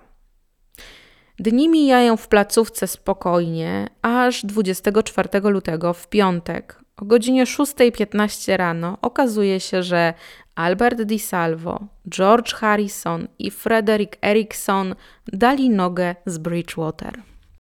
Tego dnia, zarówno godzinę wcześniej, jak i pół godziny później, strażnik placówki, którego zadaniem było zaglądanie przez Judasza do wnętrza cel, zrobił swoje, a później będzie przysięgać, że po standardowym rzuceniu okiem do cel trzech mężczyzn zupełnie nic nie wzbudziło jego podejrzeń. I przysięga on na wszystkie świętości, że w łóżkach widział ludzkie postaci, które później okażą się oczywiście ułożonymi kocami. Bridgewater nie było placówką, z której jakoś szczególnie trudno było się wtedy wydostać. Jeden z mężczyzn organizuje klucz do otwarcia cel. Następnie wszyscy idą na trzecie piętro i tam szybem windy, a potem po rusztowaniu schodzą na teren szpitala. Potem bez problemu pokonują pierwszy sześciometrowy mur i drugi o wysokości 9 metrów i przez nikogo nie niepokojeni kradną samochód i jadą przed siebie. Albert jest wyposażony w broń, a George i Frederick mają nożyczki. Ponieważ w samochodzie kończy się paliwo, o 2.20 rano wjeżdżają na stację benzynową na Route 28 w North Easton. Albert próbuje zatankować za 3 dolary, jednak ma jakieś problemy, a pracownik stacji w międzyczasie dzwoni na policję i to nie dlatego, że mężczyźni wzbudzają jego niepokój, a zgłasza po prostu awarię samochodu. To połączenie miało być wykonane po taksówkę z polecenia Alberta, no ale gdzieś tam pracownik po drodze się rozmyślił i postanowił inaczej. Uciekinierzy, kiedy dowiadują się, że mm, pracownik zadzwonił na policję, nie czekają i jadą dalej, a na cel podróży obierają Everett, gdzie mieszkał brat Alberta Joseph, i tam znów w samochodzie brakuje im benzyny. Brat zabiera trzech mężczyzn i we czterech już jadą do Chelsea, gdzie mieszka kolejny brat, Richard. W bardzo rodzinnej atmosferze, bo mężczyzn aktualnie jest w samochodzie pięciu, jadą do Charleston, gdzie George i Frederick chcą być podwiezieni. Albert daje swoim współtowarzyszom po 10 dolarów na głowę i mężczyźni się żegnają. Richard jedzie do pracy, a Joseph podrzuca brata do miasteczka Lynn. Di Salvo włamuje się do jednego z domów, instaluje w piwnicy i nasłuchuje w radio, co w sprawie ucieczki będą przekazywać media. W tym czasie funkcjonariusze już wykryli ucieczkę, a setki zaangażowało się w poszukiwanie trzech mężczyzn. Dodatkowo okolice domów świadków, sędziego oraz prokuratora w procesie Alberta obstawiali uzbrojeni po zęby strażnicy. Kiedy tylko naczelni gazet dowiadują się o ucieczce trzech mężczyzn, nagłówki krzyczą, żeby kobiety na siebie uważały, ponieważ trzech wyjątkowo niebezpiecznych przestępców jest na wolności, a jeden z nich szczególnie celuje w kobiety, które wykorzystuje i pozbawia życia. Zostaje też ustanowiona nagroda za schwytanie przestępcy w wysokości 5 tysięcy dolarów. Natomiast jeśli chodzi o George'a i Frederika, to oni spędzili pierwszy dzień na wolności, pijąc i zażywając wszystko, co dało się zażyć i wszystko, co dało się wypić. Jednak nie cieszą się swoją wolnością zbyt długo, ponieważ e, o godzinie 22.23 w dniu ucieczki zostają z powrotem umieszczeni w Bridgewater. Albert też najwyraźniej nie jest mistrzem ucieczek i mistrzem planowania i trzy godziny wcześniej trafia do MCA Walpole, a z jego kryjówki w piwnicy wyciągnął go po prostu głód. No i e, Albert w Walpole spotyka swojego starego, dobrego przyjaciela George'a Nassa. Siedząc w więzieniu, Albert zajmuje się swoim wejściem do branży muzycznej, dokładnie nie przesłyszeliście się. Widzi on siebie jako Franka Sinatra, więziennego Franka Sinatra. Do jego wiersza Strangler in the Night dodano melodię, a wszystkie zyski z zakupionego nagrania zostają przekazane do fundacji badającej przyczyny i leczącą zaburzenia seksualne. Zysk opiewał 10 tysięcy dolarów, a Albert nie otrzymał z tej kwoty ani pół centa. I w opisie materiału umieszczę link, gdybyście mieli na przykład chęć wysłuchać owo dzieło, owe dzieło, owo. Wiadomo o co chodzi. W międzyczasie śledczy zajmujący się nadal sprawą dusiciela z Bostonu mają problem z faktem, że to Albert dokonał wszystkich zbrodni I co więcej, zdaje się, że Francis Lee Bailey swoim zachowaniem dokłada im powodów, żeby sądzić, że jednak ktoś inny stoi za tymi zbrodniami. Bailey miał reprezentować DiSalvo, ponieważ chciał rozgłosu. I śledczy rozważali, że prawnikowi nie zależało w ogóle na dobrostanie swojego klienta. Wcale, a wcale. Kto miałby być zatem dusicielem? Wręcz idealnym, pierwszoplanowym kandydatem jest nie kto inny jak przyjaciel naszego Alberta, czyli George Nassa, który w międzyczasie e, otrzymał zamianę swojego wyroku śmierci na wyrok dożywocia.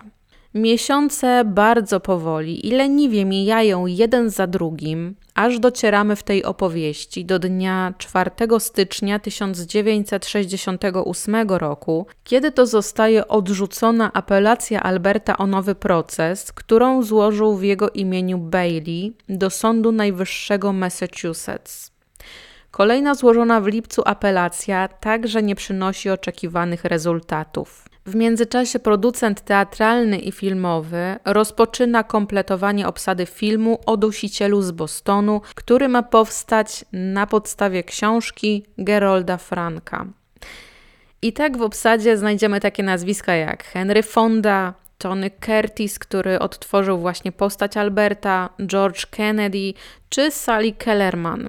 Kiedy jesienią 1968 roku film debiutuje na wielkim ekranie, okazuje się, że powiązania z książką są bardzo, bardzo, bardzo luźne, a w zasadzie to film nawet nie stał nigdy koło książki, i teraz będę rzucać spoilerami, więc jeśli wśród nas są osoby, które chciałyby obejrzeć film z 1968 roku, to mm, tutaj wrzucę sygnaturę czasową, a na platformach do słuchania szukajcie sygnatury czasowej w opisie.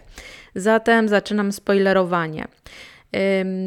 Zbrodnie w filmie są w ogóle pomieszane, nie tylko jeśli chodzi o kolejność, ale także jeśli chodzi o miasta. Nie zgadza się też czas powstania grupy zadaniowej do rozwikłania zbrodni dusiciela, a ofiara, która przeżyła atak, później zostaje wprowadzona w śpiączkę przez jednego z bohaterów, co w rzeczywistości nigdy nie, ma, nie miało miejsca. Albert zostaje w końcu aresztowany w Bostonie po tym, jak jego ściga mężczyzna, który widzi, że podejrzany człowiek próbuje włamać się do mieszkania. Potem DiSalvo zostaje osadzony w szpitalu w mieście Boston, nie w Bridgewater. No i w ogóle wisienka na tym e, dużym torcie. Albert próbujący udusić swoją żonę, kiedy ona wraz z dziećmi odwiedza go w szpitalu na próżno tutaj szukać w ogóle jakiejkolwiek wzmianki o Francisie Lee Bailey, ale on miał już swoje inne sprawy na głowie, także medialne, no i nie zaangażował się w proces rozmowy o udziale jego osoby w scenariuszu, czy jeśli chodzi o stawkę za użycie w filmie jego nazwiska i jego wizerunku. Równolegle George Nasa apeluje o trzeci proces, a jego podanie zostaje odrzucone i odrzuca e, podanie, apelację Sąd Najwyższy Massachusetts. E, I dzieje się to dnia 6 maja 1968 roku. Bailey składa 8 skarg, jednak pomimo tego NASA nie może liczyć ani na odrobinę przychylności ze strony komisji, tak więc zatrudnia nowego prawnika, a Albert idzie w ślady George'a i także zwalnia Baileya. Rzekomo Di Salvo i prawnik mieli pozostać przyjaciółmi do ostatnich dni życia Alberta, ale o tej przyjaźni mówi tylko mm, Francis Lee Bailey. Natomiast spotkanie Di Salvo z nowym prawnikiem Tomasem Trojem jest e, iście w epickim stylu, czyli e, to jak Albert uwielbia, bo Albert uwielbia mm, wzbudzać zainteresowanie.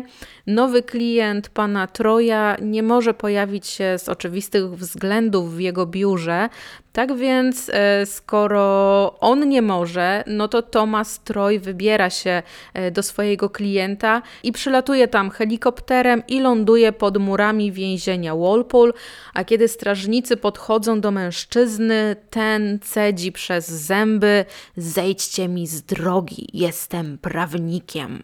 Tak więc Albert jest bardzo zachwycony tym, jak brawurowo jego nowy prawnik dostał się do więzienia. Pierwszym krokiem we współpracy dwóch mężczyzn jest zablokowanie dalszej dystrybucji filmu o dusicielu, ponieważ według Troja to uniemożliwi Albertowi otrzymanie wyroku bez uprzedzeń ze strony ławników, którzy zobaczyliby ten film. Oczywiście chodzi o dalszą dystrybucję i dalsze wyświetlenie w kinach. E, dla porządku dodam, że panowie spotkali się na początku września 1968 roku, czyli jeszcze mm, przed premierą filmu. Tak więc, jeśli powiedziałam wcześniej, że już ten film się e, był wyświetlany, no to mm, tutaj wyjaśniam, że jednak jeszcze nie. Kolejny krok to podważenie stanu psychicznego Alberta, ponieważ według prawnika wszelkie dokumenty, wszelkie umowy, które podpisał Albert do tego dnia, były po prostu nieważne. 10 października 1968 sprawa przeciw 20th Century Fox Film Corporation, czyli amerykańskiej wytwórni filmowej i przeciw dystrybutorowi filmu trafia na ręce sędziego w Sądzie Okręgowym Stanów Zjednoczonych w Bostonie. Poruszone zostały kwestie zniesławienia i naruszenia prywatności, czy Albert jest dusicielem z Bostonu, skoro tak został sportretowany, oraz um, czy z poprzednim prawnikiem Di Salvo omawiał kwestię w ogóle publikowania książki y, na podstawie jego życiorysu? W styczniu 1969 roku sędzia orzeka, iż nie ma powodów do twierdzenia, że film o dusicielu narusza prywatność albo zniesławia Alberta chyba że powód udowodni inaczej e, w wyznaczonym terminie, natomiast powód nie udowodnił inaczej, także na tym się skończyła rozprawa. Albert odsiaduje wyrok w więzieniu w Walpole, pisze skargę na zachowanie Francisa Lee Bailey do Izby Adwokackiej, jednak nie dostaje wtedy żadnej odpowiedzi. Natomiast tak na marginesie dodam, że wtedy, w tamtych latach Francis Lee Bailey i Izba Adwokacka no, mężczyzna miał tutaj bardzo ciepło koło siebie i być może e, nie był tego świadomy, ale był o mm, bardzo, bardzo mały kroczek od odebrania mu przez Izbę Adwokacką wszelkich uprawnień. Wracając do historii, kiedy Albert dowiaduje się, że Bailey występuje w telewizji i obnosi się ze sprawą dusiciela, jakoby to właśnie on pomógł we wsadzeniu mężczyzny za kraty, Albert wybucha i składa pozew przeciw swojemu byłemu prawnikowi i przeciw stacji telewizyjnej, która wyemitowała ten bluźnierczy wywiad. Odwiedzają go co tydzień jego krewni, którzy utrzymują z nim jakiekolwiek kontakty, i to w zasadzie są dwie osoby: jego brat Richard oraz żona Richarda Rosalie. Jeśli chodzi o Irmgard, to kobieta ponownie wyszła za mąż i wyjechała z dziećmi do Niemiec. Zresztą od 1965 roku Albert nie słyszał w ogóle głosu swoich dzieci, nie mówiąc o zobaczeniu ich w jakikolwiek sposób. Di Salvo stwierdza, że to czas, żeby ktoś w sposób autoryzowany przez niego opowiedział jego historię i wchodzi w układ z dziennikarzem Steve'em Dunlevy. Wygląda na to, że Albert jest bardziej świadomy tego, co podpisuje, ale nie ma się co dziwić, ponieważ ma naprawdę fantastycznego, samozwańczego agenta, którym staje się nie kto inny jak George Nasa. Wszystkim prawnikom, którzy mają jakikolwiek kontakt z Albertem w czerwcu 1973 roku, George wysyła listy, w których oznajmia, że od tej pory wszelkie zapytania dotyczące spisania historii Alberta mają przechodzić wyłącznie przez niego. Wygląda na to, że dla Alberta i dla George'a wszystko układa się bardzo pomyślnie. Przynajmniej w lipcu 1973 roku, kiedy to ten drugi snuł opowieści o tym, jak to obaj będą na tyle bogaci, że kupią sobie nawet samolot. Listopad boleśnie weryfikuje wszystko, ponieważ nie ma już wtedy żadnej umowy między Di Salvo a dziennikarzem, no i też przyjaźń e, z George'em po prostu też jej nie ma.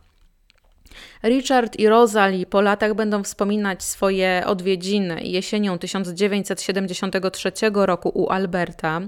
On wtedy pracował w więziennym sklepiku i był sanitariuszem w szpitalu, a wizyty krewnych traktował jak odskocznie od ciężkiego życia więziennego. Zawsze, kiedy tylko spotykali się w trójkę, koło nich podczas wizyt orbitował George Nasa, który być może kontrolował, czy Albert nie powie za dużo podczas tych spotkań. A potem mężczyźni się pokłócili, a kością niezgody były plany na przyszłość. Kiedy pod koniec listopada Albert prosi krewnych, by przez jakiś czas oni go nie odwiedzali, brat i szwagierka są bardzo mocno zaskoczeni. Kiedy go pytają czemu, skąd w ogóle taka sugestia czy decyzja, Di Salvo albo nie chce, albo nie potrafi wyjaśnić powodu. W niedzielę 25 listopada dzwoni do Richarda. Dziękuję mu za prezenty z okazji święta dziękczynienia i jest w dużo lepszym nastroju niż dzień wcześniej. W poniedziałek rano 26 listopada 1973 roku Albert Di Salvo zostaje znaleziony martwy w swojej celi na swojej pryczy. W sercu i w lewym płucu ma wiele ran kłutych. Autopsja wykaże, że każda z zadanych ran była śmiertelna, a ktokolwiek pozbawił życia 42-latka zrobił to w stylu profesjonalnej egzekucji. Tydzień później Richard i Rosalie odbierają rzeczy osobiste Alberta. Wiedzą, że brakuje w nich notatnika, w którym ich krewny dokonywał wpisów, a który to notatnik miał raz na zawsze rozwikłać kwestię dusiciela z Bostonu. Podczas opuszczenia murów więzienia wpadają na George'a Nassa, który wręcza Richardowi kopię raportu z autopsji, a Rosalie obejmuje bezceremonialnie ramieniem i mówi, że odtąd oni staną się jego rodziną. I tutaj teoretycznie mogłabym zakończyć ten podcast. Albert umarł, nic więcej nie da się wycisnąć z historii, no ale nie do końca. Ludzie, którzy mieli styczność z Di Salvo, zaczynają mieć wątpliwości co do jego bycia dusicielem. Owszem, można mu zarzucić bycie zielonym człowiekiem, czy, ten, czy też tym właśnie człowiekiem od pomiarów, ale zielony człowiek nie miał zacięcia, żeby pozbawiać ofiar życia. Poza jego ustnym przyznaniem się do bycia dusicielem, nie ma ani pół dowodu, mm, takiego dowodu namacalnego, który mógłby ten fakt potwierdzić. Nie ma ani jednej odbitki palca, nie ma ani jednego świadka, który widziałby Alberta na miejscu zbrodni albo w okolicy miejsca zbrodni. Trochę mi się nasuwa tutaj podobieństwo sprawy do sprawy slashera z Frankfurtu, jeśli chodzi o jakiekolwiek wątpliwości. E, mówię trochę, no bo jednak Leonarda Christophera mo można było powiązać z jedną zbrodnią. Jeden ze świadków, któremu pokazano zdjęcie Alberta, nie rozpoznał w nim mężczyzny, który 23 listopada 1963 roku o godzinie 15.30 zastukał do drzwi jego mieszkania i pytał o Joan Graf. Kenneth Rowe, student inżynierii na Northeastern University, wyjaśnił nieznajomemu, że to nie to mieszkanie i że pomylił adres i podaje mu już ten poprawny adres, gdzie może zastać poszukiwaną kobietę. Drugi ze świadków, Jules Vance, właściciel tawerny Martins niedaleko 54 Essex Street, poinformował śledczych, że tego samego dnia o godzinie 14 i o godzinie 16.30 do jego lokalu wszedł mężczyzna. Podczas obu wizyt skorzystał jedynie z męskiej toalety, po czym wyszedł bez kupowania czegokolwiek. Jednak podczas tej drugiej wizyty był bardzo widocznie zdenerwowany i wzburzony, a jego ubranie było bardzo mocno pogniecione. Kenneth i Jules opisali, w co ów mężczyzna był ubrany, e, i tu bez żadnych niespodzianek okazało się, że obaj widzieli tego samego człowieka. Właściciel tawerny po okazaniu mu zdjęcia Alberta nie rozpoznał w nim owego mężczyzny. Eileen O'Neill, która widziała podejrzanego chwilę przed 15.30 4 stycznia 1964 roku, powiedziała, że widziała bardzo wysokiego człowieka y, o włosach w kolorze rudo-brązowym, natomiast po okazaniu jej zdjęcia Alberta nie wskazała go ona y, jako tego, którego właśnie widziała na początku roku. Eileen była świadkiem y, wokół zbrodni dokonanej na Mary Sullivan. Tam na miejscu zbrodni, w pobliżu łóżka dziewiętnastolatki, zostały odnalezione trzy niedopałki papierosa e, takiej marki, której nie paliła ani Mary, ani jej współlokatorki. Tak samo niedopałek papierosa został znaleziony na miejscu zbrodni, której ofiarą padła ponad rok wcześniej Sophie Clark. Natomiast problem Alberta był taki, że on nie palił w ogóle. Jeśli jesteśmy przy zbrodni dokonanej na Sofii, to mamy tutaj dwóch świadków, kobietę i mężczyznę, którzy około pół godziny przed odnalezieniem ciała Sofii widzieli czarnoskórego mężczyznę o jaśniejszej karnacji, który mógł mieć około 25 lat, miał też dłuższe, ciemne włosy zaczesane do tyłu. Także ten opis nie wskazuje, żeby sprawcą był Albert. Kobieta, która widziała owego czarnoskórego mężczyznę, opisała jego twarz jako taką długą, pociągłą, ze spiczastą brodą i o cienkim nosie. Kiedy został jej okazany Di Salvo, ona twierdzi, że w ogóle pierwszy raz widzi na oczy tego człowieka. Dwie inne kobiety, którym tak samo został okazany Albert, nie rozpoznały w nim napastnika. Natomiast wskazały innego osadzonego jako wyjątkowo podobnego do kogoś, kogo właśnie wtedy wiedziały i zapewne, jak się domyślacie, nie wskazały nikogo innego jak Georgia Nassa. Co do wskazywania sprawcy i zawodności ludzkiej pamięci, to mamy tutaj świetny przykład. Albert wręcz z dokładnością do koloru krzeseł opisał mieszkanie jednej ze swoich ofiar. I tutaj chodzi o jego ostatnie ofiary, które przeżyły spotkanie z, z właśnie z nim, z Di Salvo. Natomiast starsza pani nie rozpoznała w ogóle w osadzonym swojego napastnika. Śledczy z Departamentu Policji w Cambridge mieli w tamtym czasie doświadczenie z przestępcami seksualnymi i sadystycznymi mordercami i patrząc na Alberta, nie widzieli w nim kogoś, kto mógłby posuwać się do tak okrutnych zbrodni. Albertowi bliżej było do działalności Zielonego Ludzika niż dusiciela z Bostonu. Dodatkowo jedna z ofiar napaści opisała Alberta jako łagodnego mężczyznę, a za chwilę dodała coś, co sprawiło, że śledczy musiał się upewnić, czy aby się nie przesłyszał. Owa kobieta powiedziała, że napastnik był tak miły, że ona nie miałaby nic przeciwko temu, żeby Albert ją ponownie odwiedził, może nie w takim kontekście jak za pierwszym razem. Oczywiście Albert miał większy popęd seksualny, choćby w porównaniu do swojej żony, a w pewnym momencie swojego małżeństwa y, zaspokajał się tak często i tak energicznie, że podczas oddawania moczu sikał krwią. Natomiast jeśli atakował swoje ofiary i napastował, to wyglądało na to, że jego w cudzysłowie specjalnością jest oralne zaspokojenie. Śledczy znający Alberta w tamtym czasie opisują go jako uwodziciela, względnie delikatnego w obejściu z kobietami. Kiedy na posterunku zaczęły się pojawiać kobiety identyfikujące go jako zielonego człowieka, policjanci mogli robić konkursy piękności. Dlatego śledczy nie wierzyli w to, że nagle Albert zmieniłby swój modus operandi, jeśli chodzi o ofiary. A jak to dosadnie podsumował jeden ze śledczych, którego słowa pozwolę sobie teraz zacytować, yy, tak, cytuję: Nigdy nie mogliśmy zrozumieć, dlaczego facet, który codziennie pił szampana i jadł kawior, nagle przeszedł na fasole i hot dogi. Koniec cytatu. Pomimo przyznania się Alberta już miesiąc później, nikt z grupy zadaniowej nie brał słowa Di Salvo na poważnie. Na poważnie słowa Alberta brał jedynie Francis Lee Bailey oraz dwóch, najwyżej trzech wyżej postawionych policjantów z bostońskiego Wydziału Policji. Dodatkowo w Bangor w stanie Maine 18 marca 1965 roku została znaleziona 52-letnia pokojówka Effie McDonald.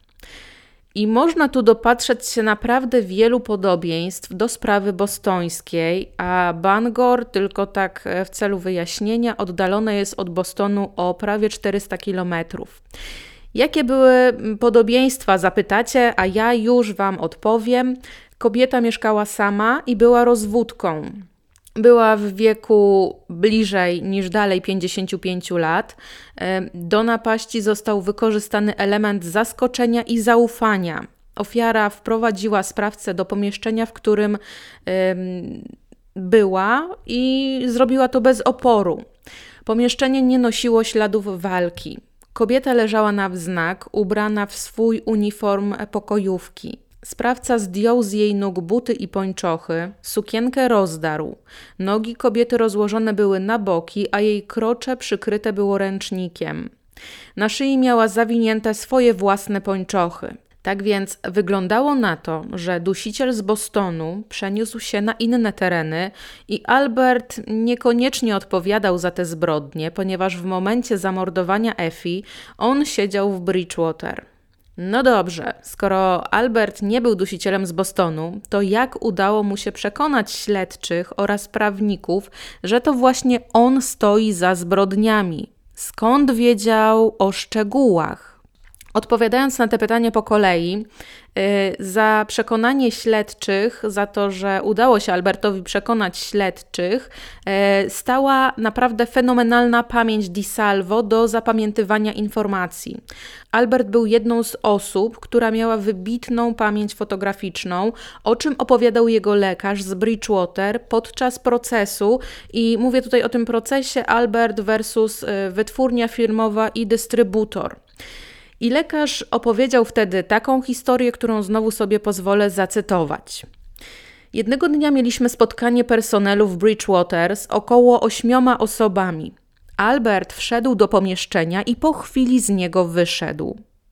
Następnego dnia sprowadziłem go z powrotem. Wszyscy byli w innych ubraniach, siedzieli w różnych pozycjach i miejscach w pomieszczeniu.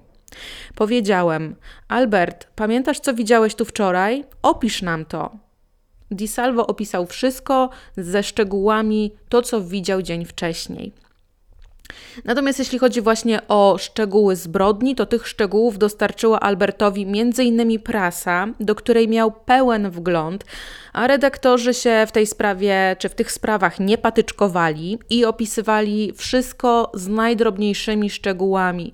Albert posiłkował się tutaj co najmniej kilkoma gazetami, i jeśli e, w jednym artykule, w jednej gazecie brakowało jakiegoś szczegółu, no to bez wątpienia znalazł ten szczegół w innym artykule i był w stanie zapamiętać i złożyć z tego całą historię, łącznie z rozmieszczeniem przedmiotów codziennego użytku na miejscu zbrodni. Także wszystkie informacje, które Albert potrzebował, znalazł dosłownie na wyciągnięcie ręki.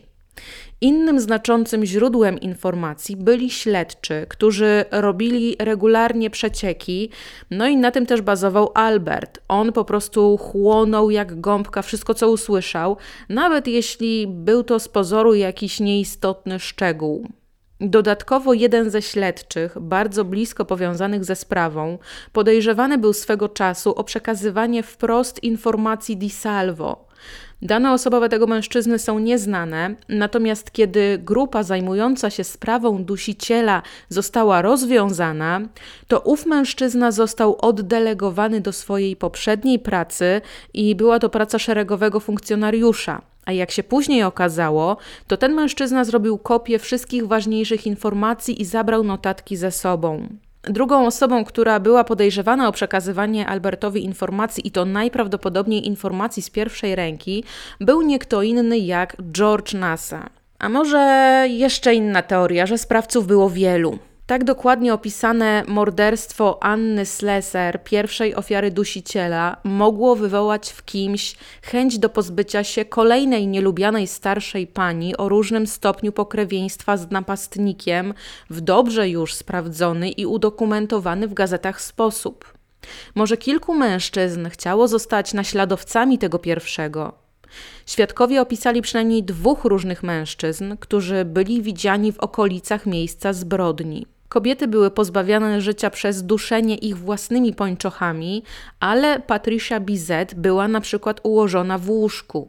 Mary Sullivan została zdegradowana przez umieszczenie w jej narządach rodnych kija odmiotły, a dodatkowo napastnik szydził z osoby, która miała odkryć ciało dziewczyny, życząc tej osobie szczęśliwego nowego roku. Beverly Siemens została dźgnięta nożem, ale nie napastowana. Joan Graf została napastowana waginalnie i uduszona. Evelyn Corbin przed śmiercią została zmuszona do zbliżenia oralnego. Z kolei Jane Sullivan została wrzucona twarzą w dół do wanny wypełnionej wodą. Ida Irga została upozowana w salonie z nogami ułożonymi na krzesłach. nie wygląda to jak utarty jeden, jedyny sposób działania. Dodatkowo fakt, że w tamtych czasach bardzo popularne było noszenie przez kobiety pończoch, na dobrą sprawę działało na plus dla napastnika, jakkolwiek źle to brzmi. Mm, napastnik nie musiał ze sobą zabierać żadnych rzeczy, nie musiał zaprzątać sobie głowy, żeby brać jakieś e, narzędzia, które których miałby później użyć podczas zbrodni, e, mógł po prostu zrobić ligaturę z pończo, halki czy koszulki. I tutaj mówiąc ligatura, mam na myśli takie właśnie narzędzie do, do uduszenia przy czym nie jest to też garota. Każdy ze znanych wtedy seryjnych morderców miał jeden, jedyny typ ofiary. E, Dean Corll, o którym już Wam opowiadałam, celował w nieletnich chłopców, tak samo jak John Wayne Gacy. Anthony Jackson, który także działał na terenie Bostonu, tylko kilka lat po dusicielu, wybierał z kolei młode autostopowiczki.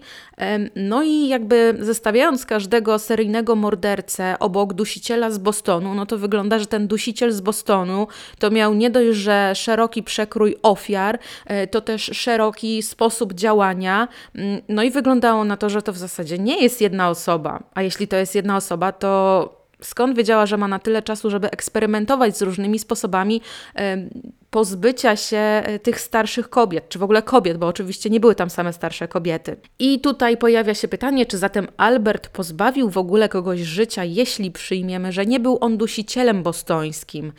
I odpowiem Wam, że tak.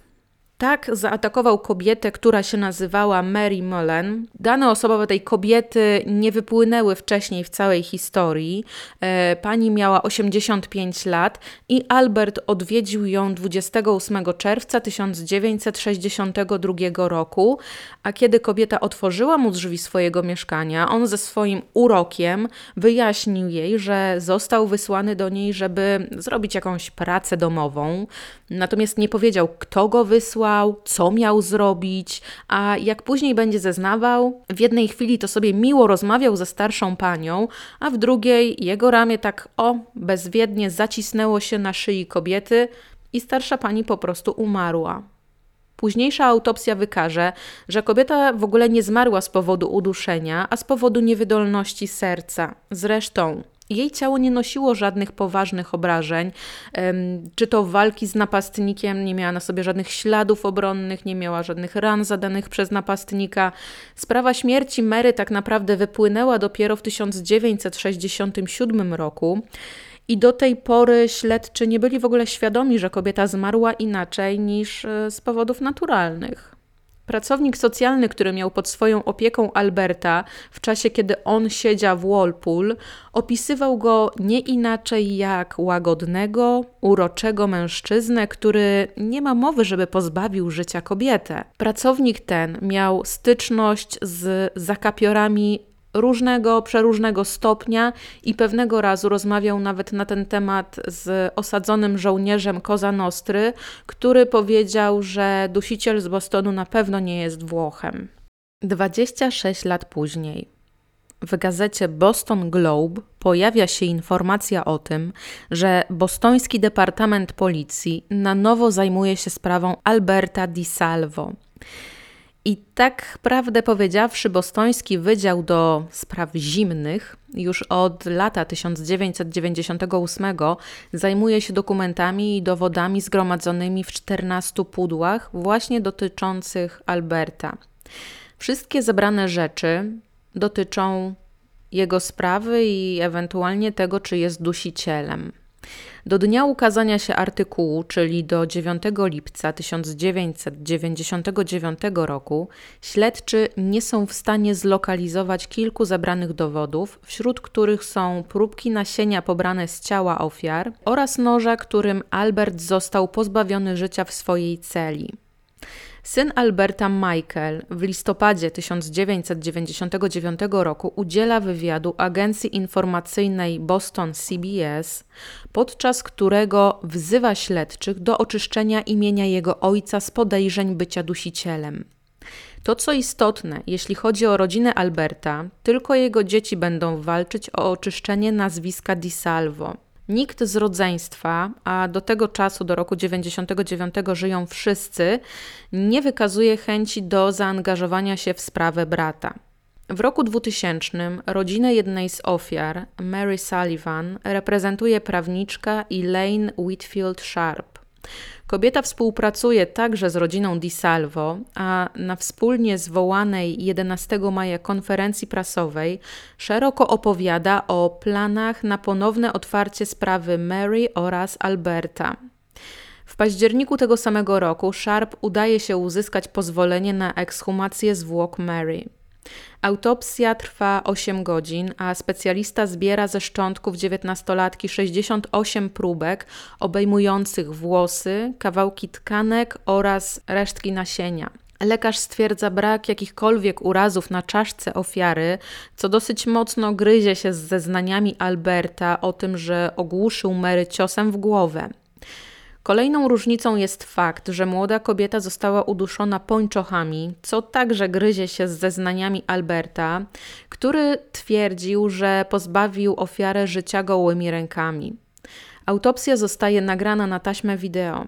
W międzyczasie śledczy znajdują zaginione dowody, w tym próbki nasienia zebrane z ciała Mary, e, które to próbki zostały zebrane ponad 30 lat wcześniej. W międzyczasie na serwisie aukcyjnym eBay za kwotę 202,5 dolara sprzedaje się kartka świąteczna osobiście podpisana przez Alberta. Inny kupujący jest w stanie zapłacić 600 dolarów za list skreślony dłonią rzekomego dusiciela. 26 października 2001 roku, krótko po 8 rano, na cmentarzu w Peabody w stanie Massachusetts zostaje ekshumowane ciało Alberta Di Salvo.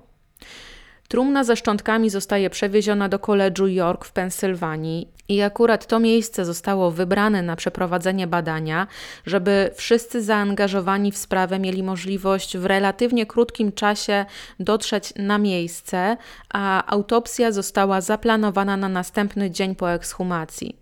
Nie będę tutaj wymieniać nazwisk osób uczestniczących, ponieważ ich jest bardzo dużo i z grubsza zaznaczę tylko, że oprócz prawników e, w autopsję zaangażowani byli eksperci medycyny sądowej, patolodzy, odontolog, czyli specjalista od zębów, geofizyk, specjaliści, którzy odpowiedzialni byli za zrobienie zdjęć rentgenowskich, toksykolog, mikroskopista, radiolog, entomolog, asystent prawny oraz brat i szwagierka filmowca.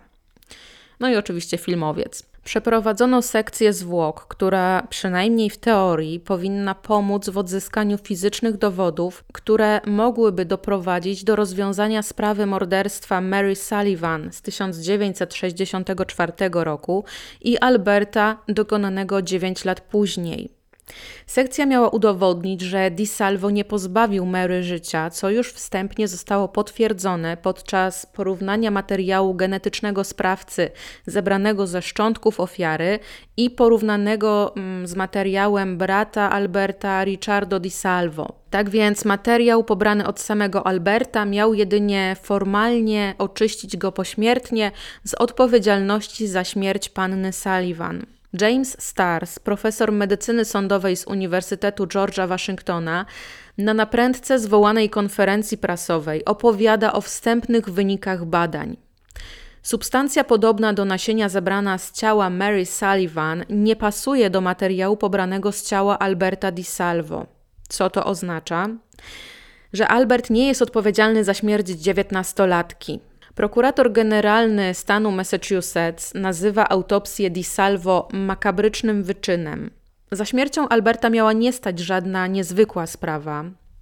Od po prostu w Walpool, jako w więzieniu o mniejszym rygorze, kwitł handel substancjami zakazanymi, a Albert miał zbyt mocno wtrącać się i wpychać nos w nie swoje sprawy, no i to trochę rozsierdziło jego kolegów współosadzonych i go skrócili o głowę. 29 października 2001 roku szczątki Alberta ponownie spoczywają na cmentarzu w Peabody w stanie Massachusetts. 6 grudnia tego samego roku James Starr na oficjalnej konferencji prasowej ogłasza ostateczne wyniki badań. Mary Sullivan nie była odurzona przez sprawcę przed śmiercią. Na ciele ofiary znajdowały się dwa różne materiały DNA. Jedna próbka została stworzona z wymazu pobranego z okolic narządów rodnych młodej kobiety, a druga z jej bielizny. Żadna próbka DNA nie pasowała do materiału genetycznego Alberta, a to oznacza, że Albert Di Salvo nie stoi za śmiercią dziewiętnastolatki. W 2003 roku siostrzeniec panny Sullivan, Casey Sherman, pisze książkę pod tytułem A Rose for Mary, w której przedstawia dowody na to, że Albert Di Salvo nie stoi za śmiercią jego ciotki oraz że materiały DNA wykluczają go z bycia dusicielem z Bostonu. Jeśli chodzi o prawniczkę Elaine Sharp, to ona nadal współpracuje z rodziną Di Salvo. Nadchodzi lipiec 2013 roku i w jednym z dni lipca prokurator okręgowy hrabstwa Suffolk ogłasza, że dzięki familial match, czyli rodzinnemu dopasowaniu materiału genetycznego porównanego z próbką zebraną z miejsca zbrodni, Albert jest odpowiedzialny za zbrodnię dokonaną na Mary, czyli zostało tutaj powiedziane coś, co jest w totalnej opozycji do wcześniejszych badań. Psychiatra z Bridgewater, który nie wierzył w winę Alberta, dr Ames Robbie, zmarł w roku 2004. Drugi prawnik współpracujący z Baileyem podczas sprawy zmarł 5 lat później. Ten prawnik był znacznie mniej medialny i cokolwiek mówił mu jego klient, no to John Asgerison zabrał to ze sobą do grobu. Jeśli chodzi o prawniczkę Elaine Sharp, nadal ma ona kontakt z rodziną DiSalvo. Co do rodzeństwa Alberta, Joseph Frank zmarł w roku 2004, a pozostała czwórka nadal żyje i nadal się trzyma. Najstarsza Charlotte ma obecnie 94 lata, a najmłodszy Frank Jr. 84. W roku 1999 George Nasa w wywiadzie udzielonym gazecie The Boston Globe zaprzeczył, żeby miał cokolwiek wspólnego ze sprawą dusiciela oraz by sam był w ogóle dusicielem. Apelacja, którą złożył w roku 2008, została odrzucona przez Sąd Najwyższy Massachusetts. NASA nadal żyje i aktualnie ma lat 90. Postać Alberta Di Salvo inspirowała łamane przez inspiruje do tworzenia filmów. Według Wikipedii takich filmów powstało już trzy, zresztą ja o jednym Wam opowiedziałam, a gdzieś w otchłani internetu znalazłam artykuł z zeszłego roku o tym, że powstaje czwarty film. Di Salvo inspiruje także muzyków, m.in. The Rolling Stones poświęcili mu kawałek pod tytułem Midnight Rambler. Jeśli są tutaj fani, no to pewnie kojarzą ten kawałek, fani Rolling Stonesów. Amerykański performer i fotograf Mark Morrisrow twierdził, że był nieślubnym synem Di Salvo, ponieważ jego matka była lokatorką Alberta. Może wcale Albert nie był jego ojcem, ale Mark aż do swojej śmierci, a miało to miejsce w roku 89, opowiadał każdemu, że właśnie on był synem Alberta i mężczyzna zmarł w wieku lat 30.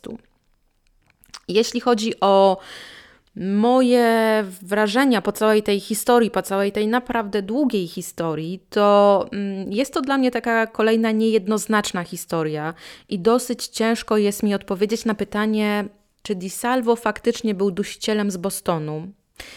Yy, może dusicieli było więcej niż tylko jeden. Może yy, w taki sposób przedstawiłam Wam jego życie i fakt, że raczej bliżej mu gdzieś tam do tego, żeby nie być dusicielem, ponieważ tak oddziałała na mnie książka, na podstawie której przygotowywałam ten podcast. Być może gdyby w moje ręce wpadł jakiś tytuł optujący za tym, że Di Salvo jest bezwzględnym dusicielem, no to podejrzewam, że ten podcast miałby inny wydźwięk, ale z drugiej strony nie da się ukręcić e, z wiadomo czego bata, jeśli nie ma na przykład żadnych potwierdzeń w materiale DNA, czy odbitek palców, czy jakichś w ogóle dowodów, że Albert był na miejscu zbrodni, jeśli faktycznie go nie było. No to nam jakby, a przynajmniej mi, wskazuje dosyć jednoznacznie. E, poza przyznaniem się Alberta i powiązaniem ze śmiercią Mary Sullivan, nie mamy według mnie żadnych solidnych dowodów. Natomiast bardzo legitnie dla mnie brzmi plan e, George'a Nassara, który próbował uknąć go z Albertem, który był idealnym materiałem do manipulacji. Mam na myśli ten plan, że NASA wskaże Alberta jako sprawcę, po czym oni obaj zgarną sobie nagrodę, podzielą się po połowie, a Albert dodatkowo, by zarobić więcej, sprzeda swoją historię i zarobi na tym jeszcze i jeszcze więcej, co pozwoli mu solidnie zabezpieczyć rodzinę. Myślę, że w takie tony mógł uderzać George, wiedząc, że Albert jednak jest e, dosyć rodzinnym facetem. No tutaj pomijam ten fakt, że um, wymuszał zbliżenia seksualne na swojej żonie, bo to jest po prostu karygodne i tutaj nie ma nawet o czym dyskutować z całą swoją w ogóle e, uprzejmością, dobrym wyglądem, ogładą i tak. To stawia Alberta w bardzo niekorzystnym świetle. I jeszcze jedna sprawa, tutaj e, nie byłam w stanie za bardzo dopasować, czy to podczas pierwszej eksmisji, czy nie eksmisji, ekshumacji, czy podczas pierwszej ekshumacji zwłok Alberta, czy podczas drugiej, okazało się, że um, on nie ma w ogóle w środku ważnych organów. Nie miał serca, nie miał e, wątroby, nie miał płuc, co było e, dosyć dziwne dla ludzi, którzy którzy robili mu autopsję. Natomiast jeśli macie jakiś e, pomysł, mm, dlaczego Albert został pozbawiony tych narządów, to bardzo chętnie o tym poczytam w sekcji komentarzy. Sekcja komentarzy, jak zawsze, jest wasza. Cokolwiek bym tutaj nie powiedziała, no to Albert chciał być popularny, chciał być znany, chciał być podziwiany. I to mu się udało. Tylko tutaj pojawia się pytanie, czy skórka była warta wyprawki? No i tak jak Wam obiecałam, musnęliśmy dwie godziny historii. Być może gdzieś tam w trakcie zauważycie, że moja intonacja, mój sposób opowiadania się różni. To dlatego też, że chyba na cztery podejścia nagrywałam ten podcast. Dawno nie nagrywałam takiej obszernej, tak interesującej, tak wielowątkowej historii. Um, Jestem ciekawa Waszych opinii. Czy Boston Strangler był jeden? Czy był to Albert? Czy był to George Nasa? Czy, był, czy było ich kilku? Co w ogóle sądzicie o tej sprawie? Sekcja komentarzy jest Wasza. Ja tutaj dziękuję wspierającym, dziękuję każdemu, kto przyczynia się do rozwoju kanału. Jeśli klikacie lajka, jeśli klikacie subskrypcję i jeśli piszecie komentarz albo wszystko razem, albo każde z osobna, to gdzieś tam na świecie właśnie mały kotek jest głaskany pod brudkę i mruczy zadowolony z tego powodu. Ja Wam już dziękuję za wysłuchanie i do usłyszenia podczas następnej historii. Jeszcze nie wiem, co to będzie za historia, ale myślę, że też uda mi się znaleźć um, taką, która nie była jeszcze omawiana szerzej, a przynajmniej nie jest tak medialna. Żegnam się z Wami, trzymajcie się, pamiętajcie o tym, żeby pić dużo wody, bo jest gorąco i do usłyszenia niebawem. Pa, pa!